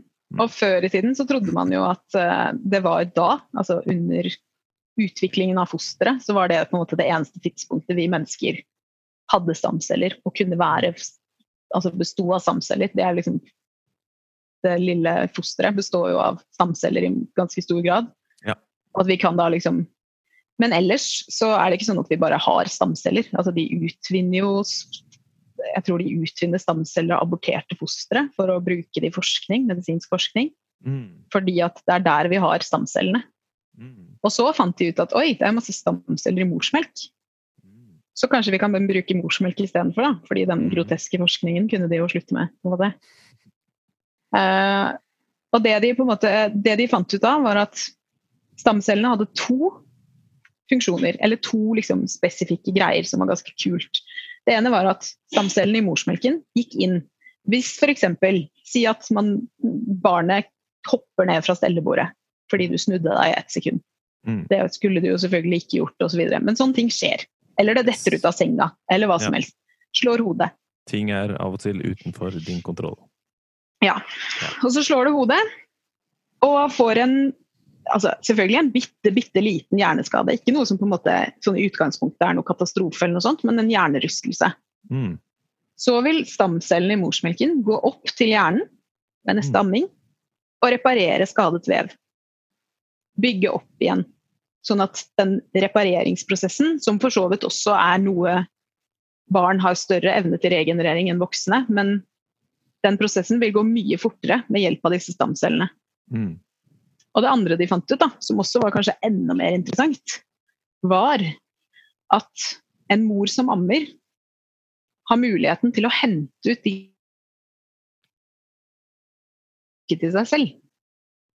Vent, da. Si det en gang til, for nå mista jeg deg to sekunder. Å ja. Til å Til å hente ut stamceller fra sin egen melk mm. og bruke for seg selv. Så hvis man skulle f.eks. oppleve å få et bitte lite hjerteinfarkt, eller noe sånn en bakterieinfeksjon på hjerteklaffen, eller et lite Mm. hjerneslag, eller en blodpropp, eller et eller annet som på en måte går galt i mors kropp, så kan den de stamcellene ekstraheres fra melken og plasseres der hvor de trengs i mors kropp, og reparere den skaden. Yes. Og det er helt unikt for ammende mødre. Det er ikke sånn at alle kan gjøre det, liksom. fordi det er kun i morsmelken, og de kan hentes ut fra morsmelken. Men hvis du ikke ammer, så har du ikke den beskyttende effekten. Nei. Og det er veldig Det- smart, da, for det er jo dumt at mor dør Det når de har en baby eller et barn som trenger det. Ikke sant? Men, men er det at man ekstraherer det gjennom forskning, tenker du på da? Eller Nei, det går i seg selv. Det går inn, det går inn, Ja. altså inni kroppen, så bare henter Ah. kroppen det ut. Sånn, her trenger du litt samceller stamceller. Som ammer har en sånn liten ekstra superpower? Mhm. Litt sånn der Wolverine som bare leger sine sår mye Altså Den. Wolverine-sammenheng, den, eh, den har jeg hørt før. Det er akkurat det det er. liksom. Vi, regener, vi regenererer vår egen kropp med stamceller som vi har produsert i utgangspunktet for babyen. Da. Men de kan hentes inn ved kriser. liksom. Shit. Og det er det jo også på en måte tydelig vitenskap på med stamceller, hvor effektivt det kan være når folk har ja, hjerneskader. Ja, alle slags sykdommer og skader. Mm. Folk som har muskel- eller fått skulderskader og sånne ting, som bare påføres Får en injisering av stamceller, og så Mm. gjør stamcellene bare fikse biffen, rett og slett. Mhm. Og det skjer Ja. helt automatisk hos en mor som mammer og Ja. produserer melk. Det er eh, fascinerende. -hmm. Og ikke sant, vi kan snakke om alle fettsyrene, viktige fettsyrene, DHA, AA, alle de For er- hjerneutviklingen, For hjerneutvikling og for utvikling av syn og Som Nervesystemet. De har vel Vi så vel på det at de har det vel i morsmelkerstatning, Ja, det er, det er ganske dytt at de har putta det inn. ikke sant? Det er også akkurat som de har putta inn probiotika relativt de siste åra, så har det på en måte blitt en greie at man putter probiotika. Ja. Problemet med probiotikaen man putter i den morsmelkerstatningen, er jo at den er jo ikke sporbasert. Nei. Så den probiotikaen, de gode bakteriene som finnes i morsmelk, er sporebasert probiotika. De har en beskyttelseskappe, på en måte, som de har på seg når de går inn i kroppen. De tåler alle slags temperaturer. Kan varme de opp, og du kan kjøle de ned. og De bryr seg ikke om det i det hele tatt. De tåler å være uten oksygen, så de kan kolonisere tarmen. Det er sånn kakerlakk eh, Kakerlakkbakterier. Skikkelig true, liksom. Akkurat det er de. Og de overlever alt, på en måte. Sånn cirka, da. Mm. Jeg vet ikke om det er, det finnes jo sikkert grenser for hvor varmt det kan bli, men hvorfor skal man gjøre det? på en måte? Ja. Men de tåler i hvert fall kokes, Ja. så det er jo ganske kult. Og den probiotikaen du får i da i for så vidt de første, fleste probiotiske tilskudd man kjøper på butikken nå, eh, og i morsmelkerstatning, er ikke i stand til å håndtere livet i tarmen, egentlig. De tåler dårlig å være uten oksygen, og de tåler ikke kroppstemperatur, og de tåler ikke Ikke sant? magesyre. For For når bakteriene kommer, så må de først innom magesekken, Ja. hvor du har masse magesyre. ja, med mindre man tar det andre veien, da. Men det er sikkert litt ubehagelig. Ikke sant? Så det er jo et alternativ. Jeg vet ikke om noen har gjort det før, men sikkert. Det er jo folk gjør mye rart. Så mye av de som ikke er sporbaserte, vil bare etse opp i eh, mage- Mesteparten tar jo, dør jo i magesekken når magesyren kommer. Og så er det noen få som kanskje overlever det, men de tåler ikke å leve uten oksygen. Og det er ikke så mye oksygen i tarmen, så da dør de av oksygenmangel. Mm. Så de kan hjelpe en liten periode mens man tar tilskuddet, og så dør de ut ganske kjapt etterpå. på en måte. Mm. Men sporebasert probiotika de koloniserer seg, og de luker ut konkurrenter som er negative for tarmhelsen, og de luker ut sopp, og de luker ut parasitter, og, eh, og så hjelper de til med å sørge for at andre gode bakteriekulturer i tarmen får bedre vekstforhold og kan spre seg og vokse. Ikke sant? Så, og så får du jo laktoferin, da, ikke sant. For hver eneste dose morsmelk, så er det matpakke med. Yes. Så har de Og noe å spise. og disse fettsyrene uh, For det er jo med MME, det er jo et høyprosessert produkt. Mm. Uh, så man, hvis man dykker ned i den vitenskapen der om hva disse prosesseringsprosessene gjør faktisk med maten vår, og hvordan Ikke sant? Det å spise Altså, det er jo ultraprosessert. Ja.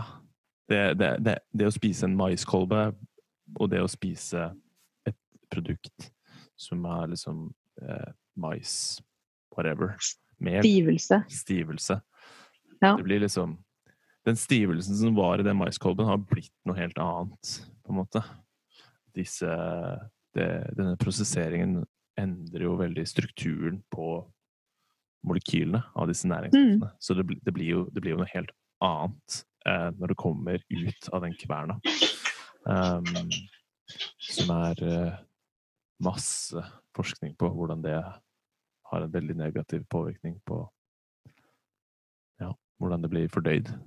Det er mange som, jeg vil gå så langt og si at det ikke er blitt mat lenger. da. Det er i hvert fall mange som Ja, det er jo realiteten. Og det Mm. blir jo mer og mer fokus på dette i miljø- i ernæringsmiljøet spesielt. da. Som merker vi jo det, at det er det som på en måte endelig, kan du si, kommer for fullt Som- nå. At man på en måte slutter å snakke om ja, ja, men er det den dietten eller den dietten. Altså hva spiser du, liksom. Ja. Det er viktig. Er det mat, eller er det matlignende substanser? nettopp Ikke sant? Og det er jo det jeg er spent på, da. Sånn framover nå, er jo hvorvidt den debatten der kommer til å bli tatt angående morsmelkerstatning også. Fordi det er et ultraprosessert produkt. Yes. Og når hovedingrediensen er liksom mais, corn syrup, altså Mm. maissirup, high fructose corn syrup, altså det er liksom hovedingrediensen. Da er det jo Hvis du hadde putta det i noe annet, så hadde liksom alle snakka om at dette er ikke bra. på en måte. Det er ikke bra for oss å Mm. spise noe som basically består av rent sukker. yes. Men det er altfor lite fokus på det når det kommer til morsmelkerstatning. Selvfølgelig fordi at mange er jo avhengig av å kunne gi noe til barnet sitt fordi de ikke får til den ammingen, fordi de ikke får den hjelpen og støtten de trenger for å få det til. yes. Men det, Det finnes sånn jo alternativer. Tabu å skulle si at uh, du, high fructose corn syrup i morsmelk uh, er kanskje ikke det smarteste å gi barnet, barnet vårt når det ikke har en ferdig utviklet tarmsystem ennå. Nei. Nei, og i den fasen, de første tre årene hvor det er så viktig hva du spiser, fordi at Mm. den næringen er jo De næringsstoffene du får i deg da, er jo det som du trenger for å legge grunnlaget for en optimal helse. Yes. Og en optimalt fungerende hjerne og alle disse organene som skal utvikles ferdig. Altså alt dette. Mm.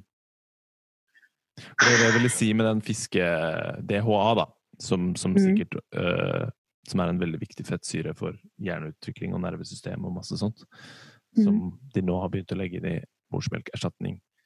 Men som også blir veldig lett skadet, ikke sant? for det er en flerumettet fettsyre som gjør den veldig skjør. Uh, som, Og når du pulveriserer det Ja. altså Det må jo en del prosesser til da, for å få det til å gå fra å være fiskeolje, eller fra å være en fisk, til å Ja. bli et pulver, liksom. Ja, ja. Så Så- det gir jo ikke helt den samme effekten. Da. Det har dere kanskje skjønt, at det er litt poenget vi ønsker å få frem her ved å snakke om alle de morsomme tingene som finnes i morsmelk. At det er Jeg er så ekstremt langt fra å klare å liksom kopiere, kopiere det, da. Og det er fortsatt mye ting vi eh, ikke har snakket om. Eh, jeg tenker på eh, fordøyelsesenzymer, eh, hormoner, vekst, veksthormoner, ikke sant? Eh, som også er viktig for bare normal utvikling. Hamlet. Hamlet, du kan jo si litt om hva det er for noe. Hamlet er et protein som de fant Mm. for noen år siden. Eh, Noen svenske forskere, var det vel? Som Ja. fant ut at det var et protein i morsmelk som kunne rett og slett ta knekken på kreftceller. Mm. Og forsøkspersoner som hadde blærekreft, og som fikk servert morsmelk hver dag, Mm. de, eh, de fikk målbare mengder, store mengder døde kreftceller i urinen hver eneste dag, til de ikke kunne finne tegn til blærekreft lenger. Og dette var bare ved å drikke det. Og så har de jo også gjort forsøk hvor de har tatt kreftceller og så har de spruta på eller sprøyta inn Mm. morsmelk, ekstrahert Hamlet fra morsmelk. Hvor du da har sett at disse bare smukk, så er de døde alle sammen. Forsvinner. Wow. Mm. Og jeg vet ikke, det blir jo konspirasjonsteoretisk, selvfølgelig. Men altså, hvorfor er det ingen som snakker om dette? Det er supereffektivt. Du sprøyter det inn. Yes. Altså, Ja, nei, det Vi skal ned det vi skal ikke ned det kaninhullet. kaninhullet der. Men Bare lar det henge. Fantastisk morsomt lite stoff som finnes i morsmelk. Mhm. Og til slutt har jeg skrevet her om eh, smak. Ja, smak! Og gøy! Mm. Ja, enda en gøy ting. Altså Det som er med, sant? det er så mange som sliter med at ungen er kresen. Du sitter der med en fireåring som bare vil spise brødskiver med syltetøy eller uh, Pasta med med ketchup. Nei, med makaroni med spagetti. Ja, det er også sikkert. Ja, ja. For å få litt variasjon, liksom. Makaroni og spagetti.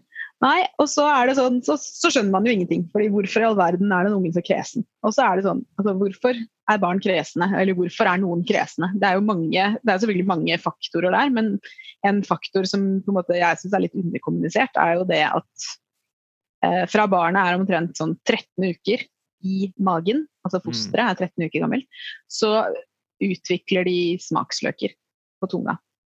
Jeg tror det var 13 uker. Okay. Forbehold om at jeg tar feil, men tidlig i svangerskapet Mm. utvikler de smaksløker. Og så svelger de fostervann og tisser ut fostervann. Og dette holder de på med hele tiden, gjennom hele svangerskapet. Og fostervannet skifter smak. Hver eneste gang mor spiser, så endrer det fostervannet smak. Jo mer variert mor spiser gjennom svangerskapet, jo mer ulike smaker blir det barnet utsatt for. Så kommer de ut. Og så får de pupp. Ja. Hver eneste gang mor spiser, så endrer morsmelken smak. Den smaker ikke det samme etter frokost som den gjør etter middag. Det er forskjellig hver eneste gang. Og det vil si at på en måte da, i hele den prosessen gjennom graviditeten og gjennom de første månedene med, med mat, som da er morsmelk, så vil barnet bli utsatt for en hel haug med ulike smaker. Og jo mer variert du spiser, jo mer smaker blir det. ikke sant? Altså Ja. Spiser du oliven, og du spiser sterk mat, og du spiser sardiner, og du spiser ikke sant? Så får du en veldig variert smaksopplevelse for denne babyen. Morsmelkerstatning smaker det samme hver eneste gang. Ikke sant. Period. Og den smaker søtt, Mm. og det er det. Smaker søtt. Ah. Morsmelk smaker også søtt, men det smaker også da bittert og salt og surt og sterkt. Og alle disse smakene. Eh, hvitløk er f.eks. noe som visstnok gir en supergod smak på, på morsmelken. Det gir en supergod smak på det meste annet, så Ikke sant? Det mener jeg òg. men det smaker ikke hvitløk av morsmelken nødvendigvis, men det smaker liksom Ja, det gir en spesiell smaksopplevelse, visstnok. Oh, så det er Um, derfor det- det er en sukkeravhengig eh, kultur. Det starter Altså, liksom der. Sukker, søt smak er jo det første vi blir presentert for, også i morsmelk. Fordi at Og søt smak på en måte betyr overlevelse, så vi programmeres jo til det Mm. veldig kjapt. Fordi at det er viktig da, at barna har lyst på den morsmelken. For hvis ikke så har vi jo et stort problem. Hvis barnet nekter å spise det fordi den liker ikke søtt, så sliter vi jo med å få det barnet til å overleve. I hvert fall historisk sett har vi slitt med det. Mm. Eh, De vil jo slite enda mer med morsmelkerstatning, kanskje, hvis ikke de liker søtt, for det er jo veldig søtt. Så, så da har du liksom muligheten til å bare utsette barnet for en hel haug med ulike smaker fra, fra de er omtrent ja, 13 uker. Ja. Det er jo, jeg blir litt usikker på om det er det riktige tallet, men det er i hvert fall tidlig. Ja, Jeg skjønner. Så, og da har du da har du jo en altså både, Nå er det jo mange som på en måte Du kan jo snakke om næringsstatus. altså Hvis du har mangel på f.eks. sink, så vil det påvirke smakssansen din. Mm. Både som voksen og som barn. Så hvis du har et barn med sinkmangel, så vil jo de ha, være mye mer kresne enn barn som ikke har sinkmangel. Um, og dermed liksom næringsstatus til mor påvirker jo næringsstatus i morsmelken. Mm. Morsmelk er jo, det må understrekes, morsmelk er bra uansett, cirka. Mm. Det eneste på en måte tidspunktet hvor det ikke er mer positivt med morsmelk enn med erstatning, f.eks., er hvis mor tar en form for medisiner eller narkotika som kan være liksom, direkte livsfarlig på babyen å få i seg via morsmelken. Men ellers er det jo f.eks. Altså, mor som røyker. Mm. Det er bedre å amme enn å ikke amme, selv om du røyker. Ja. Det er bedre å amme enn å ikke amme, selv om du drikker. Altså, det er liksom Det er veldig Veldig få tilfeller hvor morsmelk ikke er bedre enn ikke-morsmelk. Mm. Så selv om man har en skikkelig dårlig næringsstatus og bare lever på Grandiosa og ingenting annet, så vil det fortsatt være mer nyttig for det barnet å få morsmelk Ja. enn å ikke få det. Så det betyr ikke at altså Når man snakker om at det er viktig hva mor, mor spiser i forhold til næringsinnholdet i morsmelk, ja, det reflekteres, men det betyr ikke at det er bedre å slutte å amme. Hvis du har, føler at du på en måte ikke har bra nok kosthold, så er det ikke sånn at det er bedre for barnet ditt at du slutter å amme. Det vil fortsatt være bedre for barnet å amme. Men Viktig poeng. næringsstoffer påvirker smakssansen, den også. Og så er det jo selvfølgelig et spørsmål om hva de får presentert. Fordi at barn som blir presentert for mat som smaker søtt og lite, som pasta, som brød, som grøt. Denne fantastiske barnegrøten som inneholder Mm. ingenting av noe nyttig. Uh, du ville ha det kontroversielt? Ja, Da ja, ja. Fyr på. Jeg er med deg. Jeg står her med deg. Ja. Ja. Men der har du altså Hvis du på en måte som da de første seks månedene etter at du innfører fastføde, så er det brødskiver og grøt det går i, liksom, og pasta, Mm. så er det klart at da kan man jo gjøre en viss skade på den, det grunnlaget man har lagt. da. Mm. Fordi da hjelper det kanskje ikke så mye at du har fått variert smak gjennom fostervann og morsmelk, hvis du bare er vant til å spise de tingene der og ingenting annet som Mm. smaker noen ting. Liksom. Nei. Men uh, som et utgangspunkt så gir morsmelk og fostervann en helt ny smaksopplevelse for hver eneste gang de svelger. Ikke sant? Og det vil påvirke hvor kresen det barnet blir. It all makes sense now. Ok, ja, da har vi, jeg tror vi har klart å formidle at eh, morsmelk er ganske badass. Skal vi Ja, jeg håper om. Morsmelkerstatning. Hva, hva er det, og hvordan er det det dukket? Hva er liksom historien der? Har du, kjenner du den noe godt? altså, vi har jo snakka litt om det, har vi ikke det? Jo, ja vel det. Men uh, dette her er jo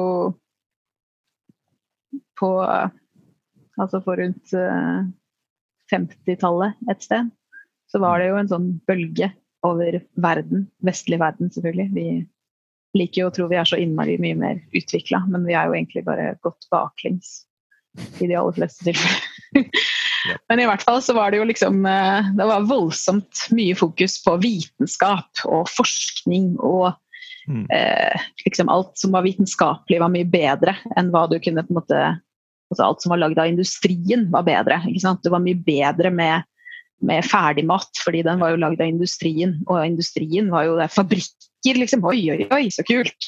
Ja, ja. Og alt som liksom kom fra noen som hadde skrevet på en altså, Hadde en sånn form for industritilknytning og kunne signere med det, så var det liksom definert som mye kulere enn alt du lagde sjøl, da.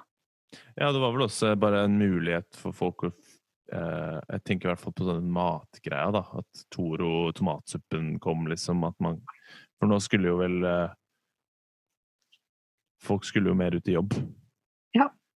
Eh, Husmoren forsvant. hu- Husmoren forsvant, og hun skulle, hun skulle ut og jobbe, hun også. Så da trengte hun eh, Kunne ikke stå og lage tomatsuppe hele dagen. Måtte Dette var jo etter krigen, var det ikke det? At det var da det starta? Fordi du mista jo en god del eligible menn i krigssammenheng. Ja. Så da måtte jo kvinner jobbe Mm. for å få alt til å gå rundt, på en måte. Samfunnet osv. Så, videre.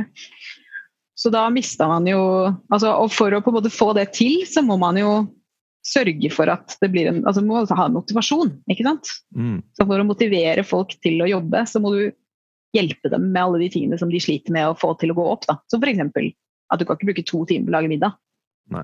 fordi du skal jobbe. Så da må du ha noe kjapt og Mm. og enkelt Yeah. fra industrien. Og ved å sørge for at det liksom pushes som bedre enn Mm. hjemmelagd, så får du en, eh, du får en sånn kollektiv eh, greie med at etter hvert når du blir fortalt det nok ganger, da, så blir du jo du blir jo egentlig hjernevaska til å tenke at det høres riktig ut. Liksom. Ja. De sa det på TV, Mm. eller vi leste det på internett i nåtid. Så da har du en, på en, måte en kulturell endring hvor eh, ting skal gå fort og ting skal være enkelt, og mm, mødre skal ut i jobb og kan ikke lenger på en måte prioritere den amminga. Så har du jo også samtidig så har du jo at på, både, på det tidspunktet så går jo fødsler fra å være en ting man gjorde i hovedsak hjemme, til å være en ting man gjorde på sykehus. Og hvor leger på en måte overtok rollen til disse kloke kvinnene, jordmødrene, som tidligere hadde vært fødselshjelpere, og som hadde sikkert født åtte barn selv, og så hadde de jo tatt imot sikkert 200 barn før ditt barn, og så hadde de Mm. masse kunnskap som på en måte går i Altså har gått i generasjoner og gått i arv ikke sant? fra kvinne til kvinne osv. Til at man må ha en utdanning og en tittel for å kunne si noe som helst om hva som er bra Ikke sant. og da ser man jo da på en måte en, altså en hel haug med Dette høres jo Det er jo litt, håper det er litt sånn derre eh, mannefiendtlig, men altså, det er jo realiteten. Du har en haug med menn som kommer inn, leger, liksom, på disse sykehusene og forteller Begynner å på en måte ha meninger om hvordan man skal gjøre ting. Og så har de ingen som helst De har ikke noe grunnlag Skal vi se. Jeg kan skrive en bok om dette, liksom. Og så er det sånn, så innfører de en hel haug med sånne Oi, internettet mitt er ustabilt. Merker du det? Det har kommet et lite hakk, men jeg tror det gikk fint. Ja, okay. Ja. Nei, de kommer med en hel haug med sånne nymotens greier som, som innføres som standard prosedyre på sykehus. F.eks. at man ikke skal Altså, man føder, og så Helst så føder man jo altså, Det var jo massevis av sånne sinnssvake greier. Hvis man begynner å lese om fødselshistorie, så blir man jo helt skremt. Da knapt Ja. gå ut igjen, fordi du blir helt mørkredd. Men der er det jo liksom Altså, doper de ned og legger de opp i et stativ med beina opp, og så bare trykker ut den ungen, og så skal de liksom putter de ungen på et annet rom i en annen avdeling, på gjerne et annet sykehus eller hva som helst. altså sånn Langt unna mor. Og så får mor på en måte bare klare seg sjøl. Og så blir barnet brakt inn for mat kanskje en gang hver fjerde time. Etter hvert så på en måte ble det en ting at man liksom kunne komme tilbake med ungen og gi litt pupp sånn hver fjerde time. Eh, men ellers så skulle 50-tallet? Jeg litt usikker på akkurat tidspunktet, men 50-, 60-, 70-tallet. Okay. Eh, det var, dette var jo over mange, over generasjoner, liksom. Mm. Så, så da skulle jo ikke mor Mor skulle jo ikke drive og bli forstyrra av denne babyen. Den skulle ligge i en sånn her plastboks et annet sted, hvor barnepleiere liksom forholdt seg til de og ga dem litt tilskudd og litt forskjellig sånn. Og så skulle Mm. mor på en måte kanskje få babyen til å amme et kvarter, ti minutter, et kvarter hver, ti, hvert fjerde time. Du får jo ikke etablert melkeproduksjon på den måten, det vet vi i dag. Men den gangen så var det en eller annen lege da, som hadde funnet at dette var kjempesmart Mm. veldig viktig å på en måte ikke drive med å skjemme bort disse barna med å holde dem for mye og sånn. Så legg dem i et eget rom hvor de kan skrike for seg sjøl, og så går noen inn og sjekker sånn de ene øret at ikke de dør, liksom. Og så bare Ja. bringer vi dem til mor en gang iblant for litt pupp, og så ikke mer enn 10-15 minutter, og så rett tilbake igjen på det andre rommet. Ah, jeg lurer på hva liksom tanken var der. Om at de skulle være så atskilt og ikke være der 10-15 Altså, det var jo en sånn der greie, sånn der tendens i barneoppdragelsesteori på begynnelsen av 1900-tallet som på en måte ble etablert, hvor også liksom du kom med det der med menn som skulle ha meninger om ting de ikke har greie på. ikke sant? Mm. Okay. Føler du deg truffet nå? Fordi jeg mener det ikke sånn. Nei, jeg gjør ikke det. Men, eh, men altså, hvor de på en måte skulle Man skulle ikke skjemme bort barna. Man skulle ikke gi dem for mye eh, kos eller si pene ting til dem. eller sånne ting. Så det holde de liksom på avstand for at de skulle bli tøffa opp. Altså de skulle få litt, bli selvstendige og bli liksom robuste. For du, Mm. du kommer til å få en sånn der veik liten drittunge hvis ikke du liksom passer på å holde avstand. Mammadalt. Mm. Grusomt. ikke sant? Spesielt guttebarn var jo helt krise. Skulle i hvert fall ikke ha de i nærheten av mora si på mer enn nødvendig. liksom. Nei. Og la dem skrike, ikke sant? så de får styrka lungene sine. Altså Alle disse ville vrangforestillingene som pågikk i altfor lang tid, og som jeg tror har skapt sår i menneskets kollektive bevissthet. Liksom, på altså generasjoner på generasjoner mennesker som ikke har blitt møtt som de trenger å bli møtt for å bli optimalt fungerende mennesker. Ikke sant? Altså, det er jo ikke rart at verden ser ut som den gjør. på en måte. Nei. Her det starter, folkens. Det er her det starter. Altså, det er jo de tre første åra. Du får jo ikke, du får ikke fiksa det. Ikke sant? Uansett hva du gjør i voksen alder, hvor mye terapi du går i, og hvor mye du ikke sant? Mm. Er du ødelagt de første tre åra, så er det på en måte Du kan liksom prøve å lappe, lappe det, men det går til en viss grad. Du vil alltid på en måte være skada av dette. Ja. Så da ser du for deg et par generasjoner med det, med barn som Mm. blir lagt til å bli lukka døra og ligge og skrike hele natta fordi at foreldrene skulle få de til å bli litt tøffere, så ikke de blir sånne mammadalter. Og, sånn. Ikke sant? og det, altså, i forhold til melkeproduksjonen altså, Vi vet jo i dag at jo mer hudkontakt og jo mer den babyen ligger på puppen, jo mer melkekjertler utvikler du de tre første månedene etter fødsel. Mm. Og hvor mye melkekjertler du har, legger grunnlaget for hvor mye du kan produsere og hvor mye du kan lagre. Mm. Og dermed hele resten av amminga, på en måte, ammeperioden din, eller ammetiden, er avhengig av de første tre månedene for å få etablert den melkeproduksjonen skikkelig. Så hvis du da har et barn som ligger i et annet rom og skriker, i en plastkuvøse i flere uker, så Mm. får du ikke den melkeproduksjonen opp og gå i det hele tatt. Og var det det så må som- du gi opp. Ja. Men var morsmelkerstatningen, kom den som en Som et svar til det? Ja. En løsning på problemet Mm. som på en måte var Altså I begynnelsen så ga de jo sånne ting som kumelk blanda med sukker og sånn. Mm. Altså, det var jo hjemmelagd alt sammen, så du blanda jo bare opp det du hadde, basically. Ja. Og mata barna med veldig tynn grøt, eller Altså du tok, du tok det du hadde, fordi målet var jo bare at, at barnet skulle overleve. og altså, Hvis ikke du hadde nok penger, så var det jo på en måte ikke noe annet å gjøre. Men bare ta det du hadde. Ja.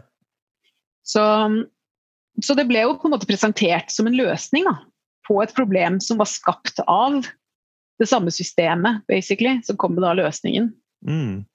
Fordi med alle disse barna som døde jo som fluer fordi at de fikk jo ikke nok melk, Nettopp. så måtte man jo finne på noe. Og, og den kumelka, altså kunne jo aldri vite hva den var utsatt for. ikke sant? Altså, kan jo være massevis av greier i kumelk, liksom. Og. Blanda med litt dårlige ingredienser, og så døde de av det, og så fikk de infeksjoner. Så da en standardisering var liksom målet, for å finne noe som på en måte kunne gis til alle barn, og være Ja. trygt og bra for dem, liksom. Så da fant de opp morsmelkerstatning. Så Mm. standardiserte de produktet. Og så ble det presentert I begynnelsen så var det jo liksom presentert som en sånn Hei, du kan redde barnet ditt selv om du ikke får til, får til amminga. Mm. Men etter hvert så er det jo Altså det er jo markedskrefter. Det er jo Ja. store selskaper som tjener mye penger på dette. Og det er ikke konspirasjonsteori engang, dette er bare fakta. De tjener sjukt mye penger. Det er en biljardindustri. Ja. Så da har du jo reklame. Da har du jo på Det finnes jo sånne gamle reklamer fra 50-60-tallet hvor det er liksom sånn eh, bedre, liksom. Presentert som bedre enn morsmelk. Ja. Og hvis du var rik, Mm. så var det jo i enda tidligere tider så var det jo sånn at man ansatte gjerne en amme, f.eks. For eksempel. Fordi det å amme hvis du var rik, det var jo liksom sånn, det var sett på som sånn fattigmannsgreie. Du skulle liksom ikke nedverdige deg til å drive og amme, liksom. Så da ansatte du gjerne en sånn fattig kvinne som kunne amme barna dine, sånn at de overlevde, ikke sant. Ja.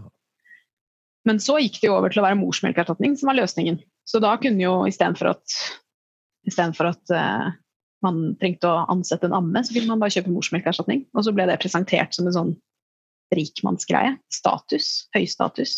Nettopp. For da kan eh, mor gå tilbake til å leve sitt uh, Ja, altså, normale liv. veldig praktisk. Og far kunne hjelpe til, og liksom andre kunne passe barnet, og ble ikke så avhengig. Ikke? Det er jo alltid noe Vi skal på en måte unngå at barnet blir avhengig av oss. Mm. den der misforståtte greia om at hvis vi på en måte bare dytter de vekk så fort som mulig etter fødsel, så slipper vi at de blir sånn plagsomt avhengig av oss. Sånn at vi ikke kan leve det livet vi levde før vi fikk barn. Og det er jo fortsatt en greie, liksom. Den dag i dag.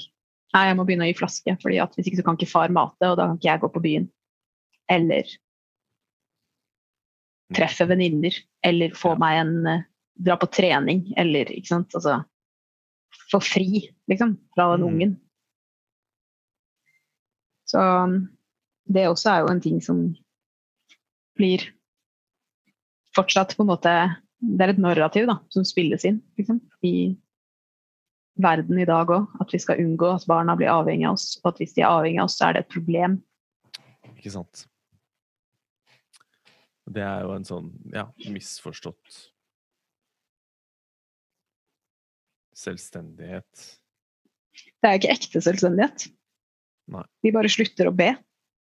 Mm. De bare lærer at ingen kommer til å møte behovene deres, og da slutter de å spørre. De er ikke reelt selvstendige. Nei. Ikke sant? For det De bare gir opp. Du mister den derre dype Det dype båndet, da, som et, et en eh, forelder og en barn kanskje kan ha. Det jo Ja, og det båndet er jo nødvendig for optimal utvikling. Nettopp. Og alle de familieproblemene man ser spille seg ut i dag. Er- Ja, altså Du har jo alle de som klager over tenåringene, ikke sant? som de ikke har kontroll på i det hele tatt, og som gjør masse greier og opponerer hele tiden. og i det hele tatt. Mm, Men det også er jo et bare et på en måte klart tegn på et brudd i tilknytningen. mm. Ikke sant. Det er vi Så det lønner seg kanskje i de første månedene når du kan gå på treningssenteret, men så er det ikke sikkert at det lønner seg på sikt. Ikke sant? Og lønner seg å lære ungen sin ja, At det ikke er vits å prøve. Nei. Eller hvis det er oppmerksomhet, da. Hvis det blir neglisjert. Mm. Ja, da må de jo søke oppmerksomhet et annet sted. Eller på måter som kanskje ikke er så hyggelig. Mm. uh, som kan igjen skape en sterkere konflikt mm. med, og mellom i dette båndet mellom mor og barn. Det er som jeg Mm. sa starten, det er ikke gitt at man skal like ungen sin, på en måte. Så det kan være smart å ta hensyn til disse tingene, sånn at det båndet blir et fint et. Uh... Ja, altså det er en eh, Det er jo selvfølgelig en stor jobb å, å dekke barns behov for tilknytning og nærhet i de første leveårene. Men det er også en jobb som betaler seg med renter i all tid videre. mm. Så altså Når man får barn, så må man kanskje regne med at ting endrer seg. Ja. For en periode. La oss, uh, la oss stupe inn i det. uh, amming. Connecting, uh, connecting people. Connecting people. Men Vi snakket jo tidligere om hvordan amming er en ekstremt effektiv måte på å skape et, et bånd. ikke sant? Du har det der Mhm. utskillelsen av oksytocin. eh, og hvordan da en, en, en Si at du stopper å amme etter en tre-seks måneders periode. Mm. Hvordan dette vil ha da en påvirkning på ditt, eh, det båndet du klarer å skape med ditt barn. Ikke sant? Du, vi, vi kan snakke om at når, når mor må tilbake på jobb, hvordan det ofte kan stoppe melkeproduksjon. Mm. Eh, som igjen gir deg den manglende evnen kanskje til å danne dette båndet, eller en redusert evne. Redusert, det er riktig. Eh, hvordan når barnet begynner på barnehage, hvordan det er Fordi det er jo et ganske nytt fenomen, som som vi snakket om. På 50-tallet så skulle mor ut i jobb. Det er for Mm. 70 år siden. Mm. Så ble barnehager en, en viktig ting. Som er det, når er det barnet kan begynne i barnehage nå? To år? Nei. Nei, nei. Nå begynner barn i barnehage når de er åtte måneder gamle. Nettopp. Fordi mor skal ut i jobb. Så med den nye permisjonsordningen så er det jo enda, enda mindre barn. Eh, før, var det jo, før den nye permisjonsordningen var det ti måneder som var liksom tidligst. Nettopp. Nå er det enkelte barnehager som er nødt til å ta imot ti-åtte måneder gamle babyer og håndtere de i løpet av dagen, f.eks. Mm. Sinnssykt. da Det er jo for barnet, hvis man ser igjen i en evolusjonsmessig kontekst, hvordan er det vi har faktisk utviklet oss? Jo, vi er Altså, vi er jo utviklet til å altså I første omgang så har vi én primær hovedomsorgsperson. mm, Primær omsorgsperson, det var smør på flesk. Um, som i alle, de aller fleste tilfeller er mor, fordi mor ammer. Og hvis man ammer sånn som naturen tilsier at man skal amme, så er det mye amming de første månedene. Mm. Eh, hele døgnet rundt. Og da er det jo naturlig at mor er den som er mest sammen med barnet. I veldig mange tilfeller i vår, vårt samfunn så er det jo vanlig at far har en pappaperm i et par uker etter fødsel, og så skal han tilbake igjen i jobb. mm, Og så er han vekk i åtte timer om dagen, liksom. Eller ni, hvis du skal kjøre. Så da har du Da har du en primær omsorgsperson, og så har du gjerne en sekundær omsorgsperson, som er da mor eller nei, far eller partner, eller en bestemor som er mye til stede, eller mm, bestefar, eller noen. Noen. Um, men sånn fra barna blir født, altså fra et barn blir født, så er det ikke sånn at de er i stand til å bare knytte seg til alle mulige mennesker de møter. Altså de knytter seg til én person, mm, og så etter hvert så utvider de sirkelen. Og så leste jeg en gang, det er sikkert ti år siden, eller noe sånt, så leste jeg en artikkel i noe psykologi som gikk på det at voksne mennesker har en form for indre sirkel som er omtrent ti personer. mm, der har vi liksom vår indre sirkel. Det er jo da gjerne nærmeste familie og de beste vennene Ja. og sånn. Og så har vi da på en måte en ytre sirkel som består av kanskje 200 mm, og hvis du ser på det fra et evolusjonsperspektiv, så er det jo naturlig at kanskje stammen besto av opptil 200 mennesker mm, som du måtte forholde deg til på en viss basis. Ja. Og så er det også da sånn at de ti på, i den innerste sirkelen, de kan jo byttes ut med en av de andre. Ikke sant? Men da er det bytte ut, fordi noe særlig mer enn ti personer i den innerste sirkel har vi ikke kapasitet til å håndtere. Det, nå vet ikke jeg om det stemmer fremdeles, eller om dette her var Nå er det kjempelenge siden jeg leste det, men mm, jeg syns det er en veldig interessant teori. Da. Når jeg liksom tenkte litt over det og telte selv hvor mange mennesker som jeg regner som mine aller næreste, Ja. så er det omtrent ti personer. Og så vil det sikkert variere, da. noen er elleve, og noen er åtte, og noen er sju og ti, Ikke sant. eller tolv. ikke sant? Altså. Men for et spedbarn mm, så er den sirkelen veldig mye mindre.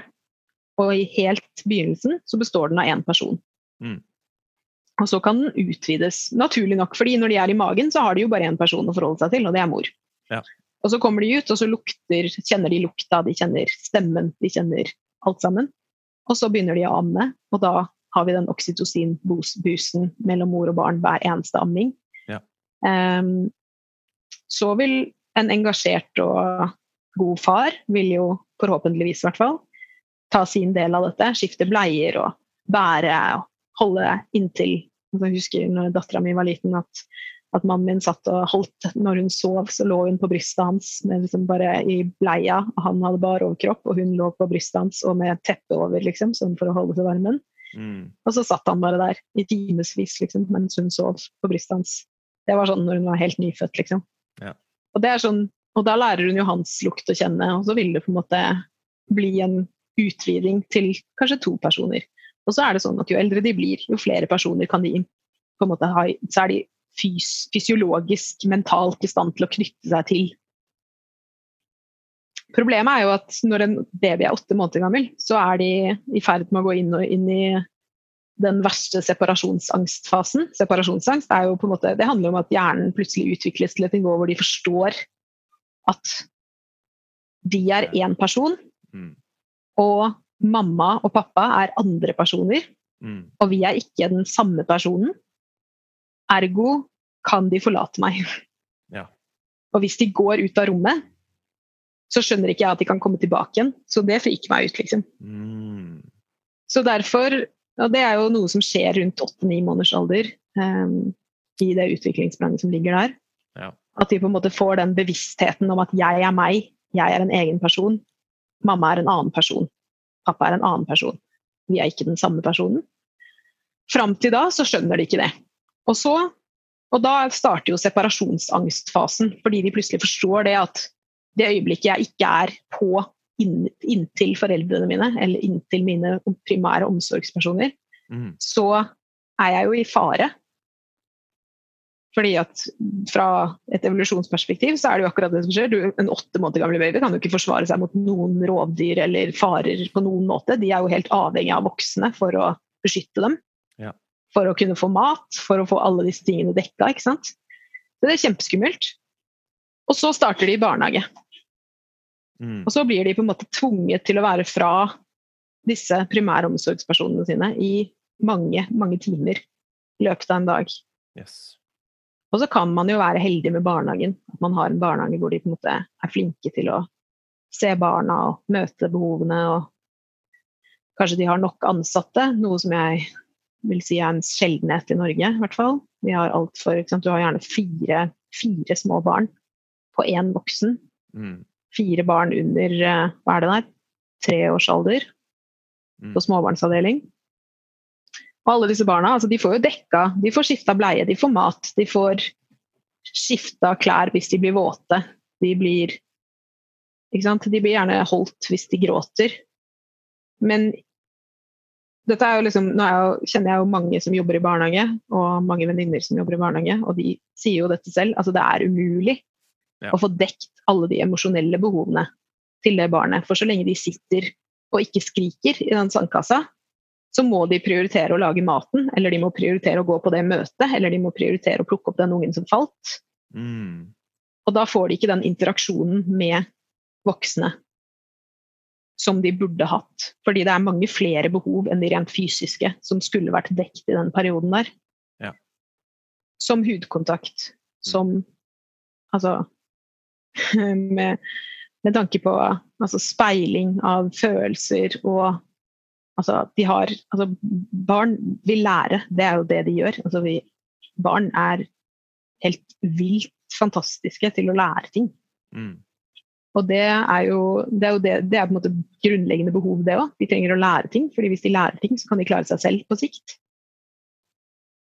Og da snakker jeg liksom ikke om å lære at kua sier mø, liksom. Jeg snakker om å lære liksom grunnleggende funksjoner som sosiale koder og Yes. fysiske ferdigheter og alt det der, liksom. Mm. Det- Så, eh, ja. Så Nå snakket jeg meg sikkert bort. Det kan jo um, skape et en eh, bump in the road av, mellom eh, mor og barn. Er det Det er en sånn ond sirkel Mhm. som vi har snakket litt om, som ofte kanskje kan starte i den tiden der, når barnet mm. blir eh, Skal vi si eh, Den vil jo føle at den blir litt forlatt. Mm. Ja, og da har de en tendens til å den vet er ikke Hva som foregår, ikke sant? Nei. Den har jo bare blitt plassert i en barnehage hos noen Mm. fremmede mennesker. Når den egentlig har lyst til å være med mamma. Mm. Eh, Så hvordan er det man ser at barn kan reagere til det? Ja, altså det er jo på en måte to Det er vel to hovedreaksjoner. Det ene er jo resignasjon. At de bare gir opp på en måte og prøver å protestere fordi det er ikke vits, liksom. Mm. Eh, men den vanligste er jo avvisning. Mm. Altså de protesterer på at du forlot dem ved å avvise deg. Når du, fordi, det er en forsvarsmekanisme. fordi Hvis du ikke er helt sikker på at den personen kommer tilbake, og at du kommer til å liksom se den vedkommende igjen, så er det best Det er noe vi, vi voksne også gjør. Liksom. Vi måte, hvis, vi, hvis vi på en måte opplever at vi ikke kan stole på noen, Mm. så beskytter vi oss selv ved å avvise den personen. Ja. Altså, det er jo en helt naturlig menneskelig forsvarsmekanisme. Og det, det, det plukkes opp, og det lagres. altså sånn Hvis man har et, et, et tillitsbrudd, da, Ja, så er jo det så er ikke det noe Det programmeres. som går forbi. Du, har, du vil Ja. alltid ha det liksom, ja. Så hvis du opplever å bli, av, altså bli forlatt eller bli på en måte det jo, Nå skal det kanskje diskuteres om barnehage er liksom det ultimate definisjonen på det, men hvis du på en måte som barn opplever omsorgssvikt i form av at bli forlatt Ja. av omsorgspersonene dine gjentatte ganger, så vil du jo lære deg et mønster hvor du klarer, altså, du må klare deg sjøl, og du klarer ikke å stole på ting, stole på folk, og du klarer ikke å ha normale relasjoner til andre fordi at du er hele tiden i forsvarsmodus fordi du har blitt programmert til å tenke at jeg blir forlatt når som helst. Nettopp. Det er best å klare seg sjøl. Mm. Så det er jo massevis av sånn tilknytnings... De kaller det vel tilknytningspersonligheter eller noe sånt noe, som er, eh, som er sånn som diagnostiseres av psykologer på en måte, i voksen alder. Da. Ja. Og som er Som konsekvenser av hva som har skjedd når du var liten. Mm. Så Ikke sant? Ja. Og det kan Men- da skape en Ja, hvis du får en Barnet skyver seg unna, det får en, en negativ reaksjon. Mm, da kan jo mor eller far Ja.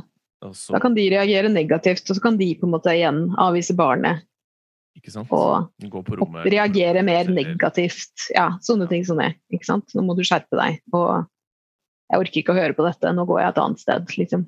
Når du gråter. Eller Altså, og det er jo så, ikke sant, den tilknytningen og den oksytocin-utskillelsen går jo begge veier. Så Mm. for en Altså for et, en forelder som har vært borte fra barnet sitt i ni timer, Mm. vil også oppleve det som et brudd. Ikke Ja. et så graverende brudd som det vil være for en åtte måneder gammel baby, men det vil være et brudd, og det vil være noe som gjør at man må, på en måte må restaurere den tilknytningen som var der når man leverte på morgenen, Mm. for å kunne reparere den skaden som har skjedd. Og det er det jo mange måter å gjøre det på, men amming er en veldig enkel og billig måte. Da. På en måte en lite innsats for å få restaurert den tilknytningen. Fordi amming har den største Sikkert flere faktorer, da, men utskillelsen av oksytocin, eller skaper den største utskillelsen av oksytocin, som er det hormonet som binder Som binder deg til personer. Ja. Nettopp. Det er jo eh, Ja, og det er, veldig, altså det er jo en veldig lettvint måte, da. Hvis du da når du kommer og henter en barn i barnehagen, så setter du deg ned og ammer. Så har du på en måte gjenoppretta den tilknytningen. Så trenger du ikke å jobbe med f.eks. Altså, det er jo mange andre måter å gjøre det på. Kos, f.eks. Eller tøysing. Altså med Mm. barn så er det jo liksom Det er jo forskjell på hva du gjør med en voksen person og et barn, liksom. Men du, Mm. på et lite barn da, så kan du f.eks. Du kan kile dem, eller Mm. Kose dem, eller tøyse og liksom jage de rundt i garderoben og leke, og at man skal fange dem. Og så? Altså, det er massevis av måter å, å gjøre dette på som ikke involverer amming, og det er fullt mulig å, å reparere uten å amme. Mm. Så det er ikke sånn at liksom, det er alfa og omega for å ha en god tilknytning til barna sine, men det er en enkel og lettfinn Altså når ammingen går bra, Mm. så er det veldig lett å få å bruke det til alt mulig, fordi det fungerer som en sånn total verktøykasse i Ja. alle sammenhenger. ikke sant? Altså, amming er smertestillende på lin lik linje med Paracet. Det vil si at det å die for et barn er like effektivt som å gi dem Paracet. Mm. Ergo, hvis barnet detter og slår seg, amme. Mm. Hvis barna har en dårlig dag og er skikkelig sur og trenger på et vis å klare å regulere følelsene sine, men de er rett og slett bare litt for små til å klare det på egen hånd, Mm. så regulerer amming regulerer følelsesregisteret og roer barnet ned hvis de er sure. Pluss at du da gjenoppretter en tilknytning som gjør at det er lettere å få dem til å høre på deg. Mm. Og så har du da altså, stressresponsen. Vagusnerven sitter bakerst i ganen. Mm. Den stimuleres når barnet suger. Det er jo også altså, det er jo derfor man har smokk. Eller derfor Mm. folk bruker smokk. Fordi at der har du den samme funksjonen. Det vil ikke gi helt den samme funksjonen. Det vil gi en sånn som en lettølversjon på en måte, av, eh, av alkohol. Ja. Så du, får, du, har liksom, du har litt av det, men du får ikke like bra effekt som med en faktisk pupp. Men det er litt av den samme virkninga. Så stressresponsen Die stimulerer vagusnerven, som roer ned nervesystemet. Så da går du fra å være stressa til å være ikke stressa. Og det samme gjelder jo da for oksytocinutskillelsen, som også da roer deg ned hvis du er stressa. Mm. Det er den mest effektive avstressingsmetoden du har. Så hvis du har hatt en skikkelig drittdag på jobben, og så kommer du i barnehagen, og så henter du ungen, og så er den skikkelig sur fordi at et eller annet. Ja. Så kan du sitte der og amme i 20 minutter, og så kan på en måte alt være harmoni etterpå. Ja. Sinnssykt enkelt. Altså veldig lettvint. Og så har du liksom eh, Hva var det jeg skulle si? Jo, altså blodsukkerproblematikken. Mm. En sur unge som er sulten, Mm. og som har lavt blodsukker. Mye vanskeligere å ha med å gjøre når du skal på butikken. At de maser om sjokolade, og så ligger de og hylskriker midt på gulvet i butikken fordi de ikke får det. Fordi du, det var tross alt onsdag, og dere skulle ikke ha is i dag, liksom. Ja. Ammer du, og så får du opp blodsukkeret, og så kan du fortsette å handle, og så kan du på en måte få gjort alt du skal, og så går du hjem. Og så, Så når en ungen din er vrang, så er det bare alltid. amming. When in doubt, whip it out. Ah, jeg Beste kan se at det er mye uttrykket. bra amme-memes. Å ja. Det er, en hel, det er liksom en helt egen greie, liksom. Alle problemer, liksom. Ja, jeg så en gang en meme med sånn eh, Det var vel en ni ruter med ting som på en måte hadde mista jobben, og du hadde krasja bilen, og du hadde eh, Kjæresten hadde vært utro. Alt på en måte var bare sånn derre. Og så er det sånn Crunchy mom be like I have breast milk and coconut oil for that. Fordi det kan løse alt, liksom. Ja. Der var jo den dratt, det var selvfølgelig dratt kjempelangt, da. Men det var jo fortsatt litt sånn Altså, det er litt der. Altså, det kan faktisk løse nesten alle problemer. Ja. Ikke sant? Det er Slipper unna dehydrerte barn når de er omgangssyke. Ikke sant? Du kan bare amme. alle, er, altså. Jeg, jeg, jeg og på en måte min eh, omgangskrets, hvor det er vanlig å amme barn som er godt over fire, på en måte, mm, de, eh, de er stadig vekk litt sånn herre Hvordan gjør folk det? Altså, jeg er imponert over folk som klarer å være forelder uten det verktøyet, fordi det må være mye mer krevende. Ikke sant? Altså, det er så lettvint, liksom, når man først har fått det i boks, da. For uh, Du nevnte dette med å få barna til å høre på deg. Mm. Og du har nylig la ut en artikkel om, eh, eller et lite innlegg om Tenåra. tenåringsoppgjør. Opprør, ja. Opprør. Takk. ja, det er jo kanskje litt oppgjør, òg, for så vidt. Men ja. ja. Ja, nei, altså, der har du jo Altså, det går jo generelt på tilknytning. Dette handler jo om jevnalderorientering, som også er et sånt konsept som er kanskje litt for omfattende til at vi får til det på ti minutter, siden du snakka om at vi skulle gjøre det på to timer. Ja. jeg, Men- jeg tror vi er nødt til å ta en part two, rett og slett. Fordi det er Å ja. masse Uh. Jeg tror det er masse, det er masse mer vi ikke har dekket her. Ja, skal vi ta er- jevnalderorientering på neste, da, eller? Hva tenker du? Altså, Kanskje det. hvis vi skal ha en part two, så altså, vi, Kan vi snakke om ti, om dette i ti minutter. Ja, men vi, vi har jo Hva skjer ikke sant? Kanskje gi folk mer neste gang eh, løsninger, hvis eh, de ikke får til melkeproduksjon, for eksempel. Ikke? Alle Da kan vi snakke om troubleshooting, liksom. Neste... intervensjonene som skjer under fødsel, som kan ha en påvirkning på mors evne til å produsere melk, ikke sant? Mm. Igjen, som vil ha en påvirkning på det båndet som blir skapt mellom mor og barn. Alle disse dumme Det er så mye å si, liksom. Det er sånn, vi har jo liksom uendelig til plass som hvis ting ikke ramler sånn som de skal, så kan det ha veldig, veldig store konsekvenser på utviklingen av det barnet sitt liv. Vi har ikke snakket om ja, stramt tungebånd og sant. generelt Kanskje vi bare skal ha en egen podkast med bare amming. Sånn 10-15 en episoder. annen podcast. Eh, Du burde, Den kan jeg i så fall overrekke til eh, deg. Hvis du har lyst til å At jeg skal lage podkast. Jeg vet ikke, jeg skal lage kurset først, og så får vi se hva det blir etterpå. For det er noe med blir noen videoer der òg. hva slags ammekultur er det man eh, ønsker, ikke sant? Og Mhm. vi burde jo vi har, vi har fortsatt masse mer å snakke om, så jeg tror vi Vi skal vi kjøre en part two. Hvis folk Mhm. hører denne nå, og jeg ennå ikke har eh, laget en part two. laget en part two, så er det jo også kjempekult eh, om folk sender inn spørsmål og Ja, tanker om hva vi har snakket om, sånn at vi kan adressere det. Eh, også hvis folk er Hvis folk er enten gravide eller skal bli gravide eller ammer og ønsker gode råd og Mm. god informasjon, egentlig, Mm. kan jeg i hvert fall, og sikkert du også, anbefale de guidene som vi har laget med Mari Krokshus. Mhm. Vi har laget en guide med, for gravide, og liksom Mm. gå gjennom eh, optimal kosthold, egentlig, da, for eh, å mate fosteret ditt med beste maten. Den, når du leste den, du, du, godkjente, du godkjente det vi hadde laget. Det var vel på en måte mer sånn ekstase som var min reaksjon, mer enn Ja. godkjenning. Liksom.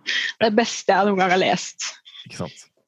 Så si det pent. Så hvis du ønsker en optimal ernæring for eh, babyen din inni magen din, sjekk ut mm. den.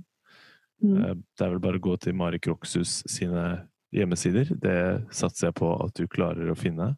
Jeg kan sikkert linke til det også, siden det her skal legges ut på YouTube. Ja, det er lurt. lurt.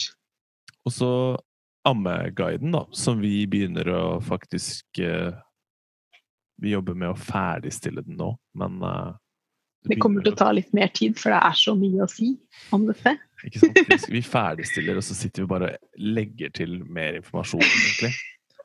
For hver gang vi holder på, så blir det flere og flere sider. Ja. ja. Men Ja. eh, det, det blir et veldig grundig eh, produkt, da. Mm. Det blir jo basically en hel bok, dette her, da, til Vi gjør jo det. Så um, Meld dere på det kurset der. Jeg tror det kommer til å komme litt ut sånn litt og litt, da. Sånn at ikke Mm. Selv om vi ikke er helt ferdig, så betyr ikke det at du kan få utnytte av den informasjonen. Mhm. Fordi det er vel det man kan si, at det her er et tema som det ikke er veldig mye eh, kunnskap rundt hos de som, som står ansvarlig for å rådgive disse mødrene, da, som, som har lyst til å, lyst til å gjøre det beste for barnet sitt. Mm. Ja, vi kan jo på en måte, Hvis vi nå tar og avslutter med at det er på en måte gjort noen estimater som tyder på at de, altså de estimatene de vurderte det til at rundt 95% av kvinner kan fysisk sett amme barna sine. Mm. Etter anbefalingene fra Verdens helseorganisasjon. Altså opp til to år. Seks måneder med forlamming og opp til minimum to år på en måte, i tillegg til fast føde. Ja. Og det er da basert på liksom, en vurdering på hvilke fysiske tilstander, som f.eks. tuberøse bryster eller en brystoperasjon, reduksjon, sånne ting som det kan gi en reell fysisk hindring i forhold til om du kan amme eller ikke.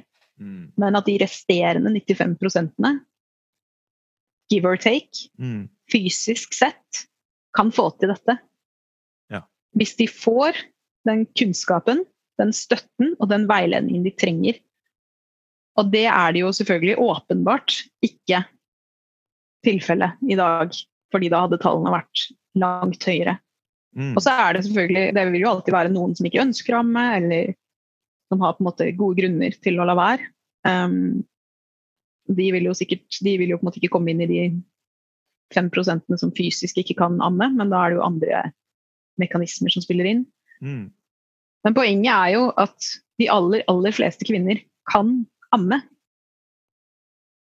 Yes. Og det Altså, vi må på en måte ta tilbake det narrativet om at folk flest ikke får til ammingen. For det er liksom det vi presenteres med. At du er i grunnen skikkelig heldig. Det er ren flaks, egentlig, at du i det hele tatt fikk til dette. Fordi de fleste mislykkes, selv om de ønsker å amme. Og det er feil. Det er et samfunnsproblem. Det handler ikke om hver enkelt kvinne og hvor mye innsats de gjorde og hvor flinke de var og ditt og datt. Det handler om at samfunnet fucker deg, liksom. Mm. Og det er ikke greit. Altså, vi trenger en revolusjon. Vi trenger en, en helt ny, et helt nytt narrativ som blir innprenta fra vi er spedbarn selv. Hvor vi kan amme, og vi kan få det til. Vi trenger bare å få den hjelpen og den kunnskapen og den støtten vi trenger for å få dette til. Og den Det må på en måte på agendaen. Yes. Og det jobber vi med å endre. Yes. Og skal vi si en rask liten Sikkert mange som hører på dette, som kanskje ammer eller har ammet, eh, som har opplevd at melkeproduksjonen stopper, og at de er nødt til å gi barnet sitt morsmelkerstatning, og Mm. syns det kan være vanskelig å høre. Uh, ja, Om alt dette, ja. om alt dette. Hva Ja. skal man si? For det første så gjør vi jo alle, eller i hvert fall de aller, aller fleste foreldre, gjør jo til enhver tid så godt vi kan. Ut ifra den kapasiteten vi har i det øyeblikket. Om den Mm. kapasiteten, om det handler om tid, økonomi, eh, kunnskap, støtte eller energi. Altså Mm. det er jo ulike måte, ting som spiller inn. Men til enhver tid så vil de aller fleste foreldre ha gjort alt de kunne for barna sine, fordi det er sånn vi er programmert. Det er det vi vil. Det er det vi ønsker. Og så kan vi lære nye ting som viser seg da i ettertid at kanskje ikke det vi gjorde var det beste. Nei. Men det er fortsatt ikke sånn at vi har en tidsmaskin, så vi kan gå tilbake igjen i tid og så kan vi endre på det som skjedde for to år siden, eller 20 år siden, eller 100 år siden. Altså, den, altså hvis dere har det, så si fra, liksom. Fordi da kunne jeg tenke meg å bruke den. Ja. Men det er jo ikke, det er ikke tilfellet. Så det eneste vi kan gjøre til enhver tid, er å tilegne oss ny kunnskap. Og så implementere det hvis vi får en ny mulighet til at det kan være altså Hvis man får et nytt barn, eller i en senere anledning hvor du sitter i en diskusjon med venninner som har fått barn, og så kan du på en måte gi kanskje gi bedre råd enn de du fikk selv. Og så kan du kanskje Mm. være den, den støtten som de trenger for å få til dette. Og så kan man hjelpe til med å endre verden én person av gangen. Fordi det er ikke noe vits å sitte der og ha dårlig samvittighet fordi at ting ikke gikk som du håpa. Det er ikke din feil, og det er aldri noensinne enkeltpersonen som skal klandres for det, som jeg nettopp sa. Altså samfunnet skal klandres for at ikke Mm. flere får til det de ønsker, og når de målene de setter seg. Yes. Boom. Tror det Boom. var en uh, Mic drop. rett og slett en mic drop som vi kan uh, runde av med. mm. Takk for praten, Kristine. Alltid gøy å skravle med deg. Ja, i like måte. Det blir spennende Jeg håper denne podkasten blir helt akkurat så episk som jeg forventer, egentlig. Ja, jeg håper jo at eh, siden det her er første gang jeg recorder med Zoom, at uh, Mm. det faktisk er en fil som venter på meg når jeg uh, Ja, er ferdig. det blir spennende. Dette, jeg håper dette er liksom på, om du har en backup-plan, eller om dette her var to timer vi bare aldri får tilbake. Det kan være. Men, men. Jeg krysser fingrene, og så ja, sier jeg fra. Det er bra.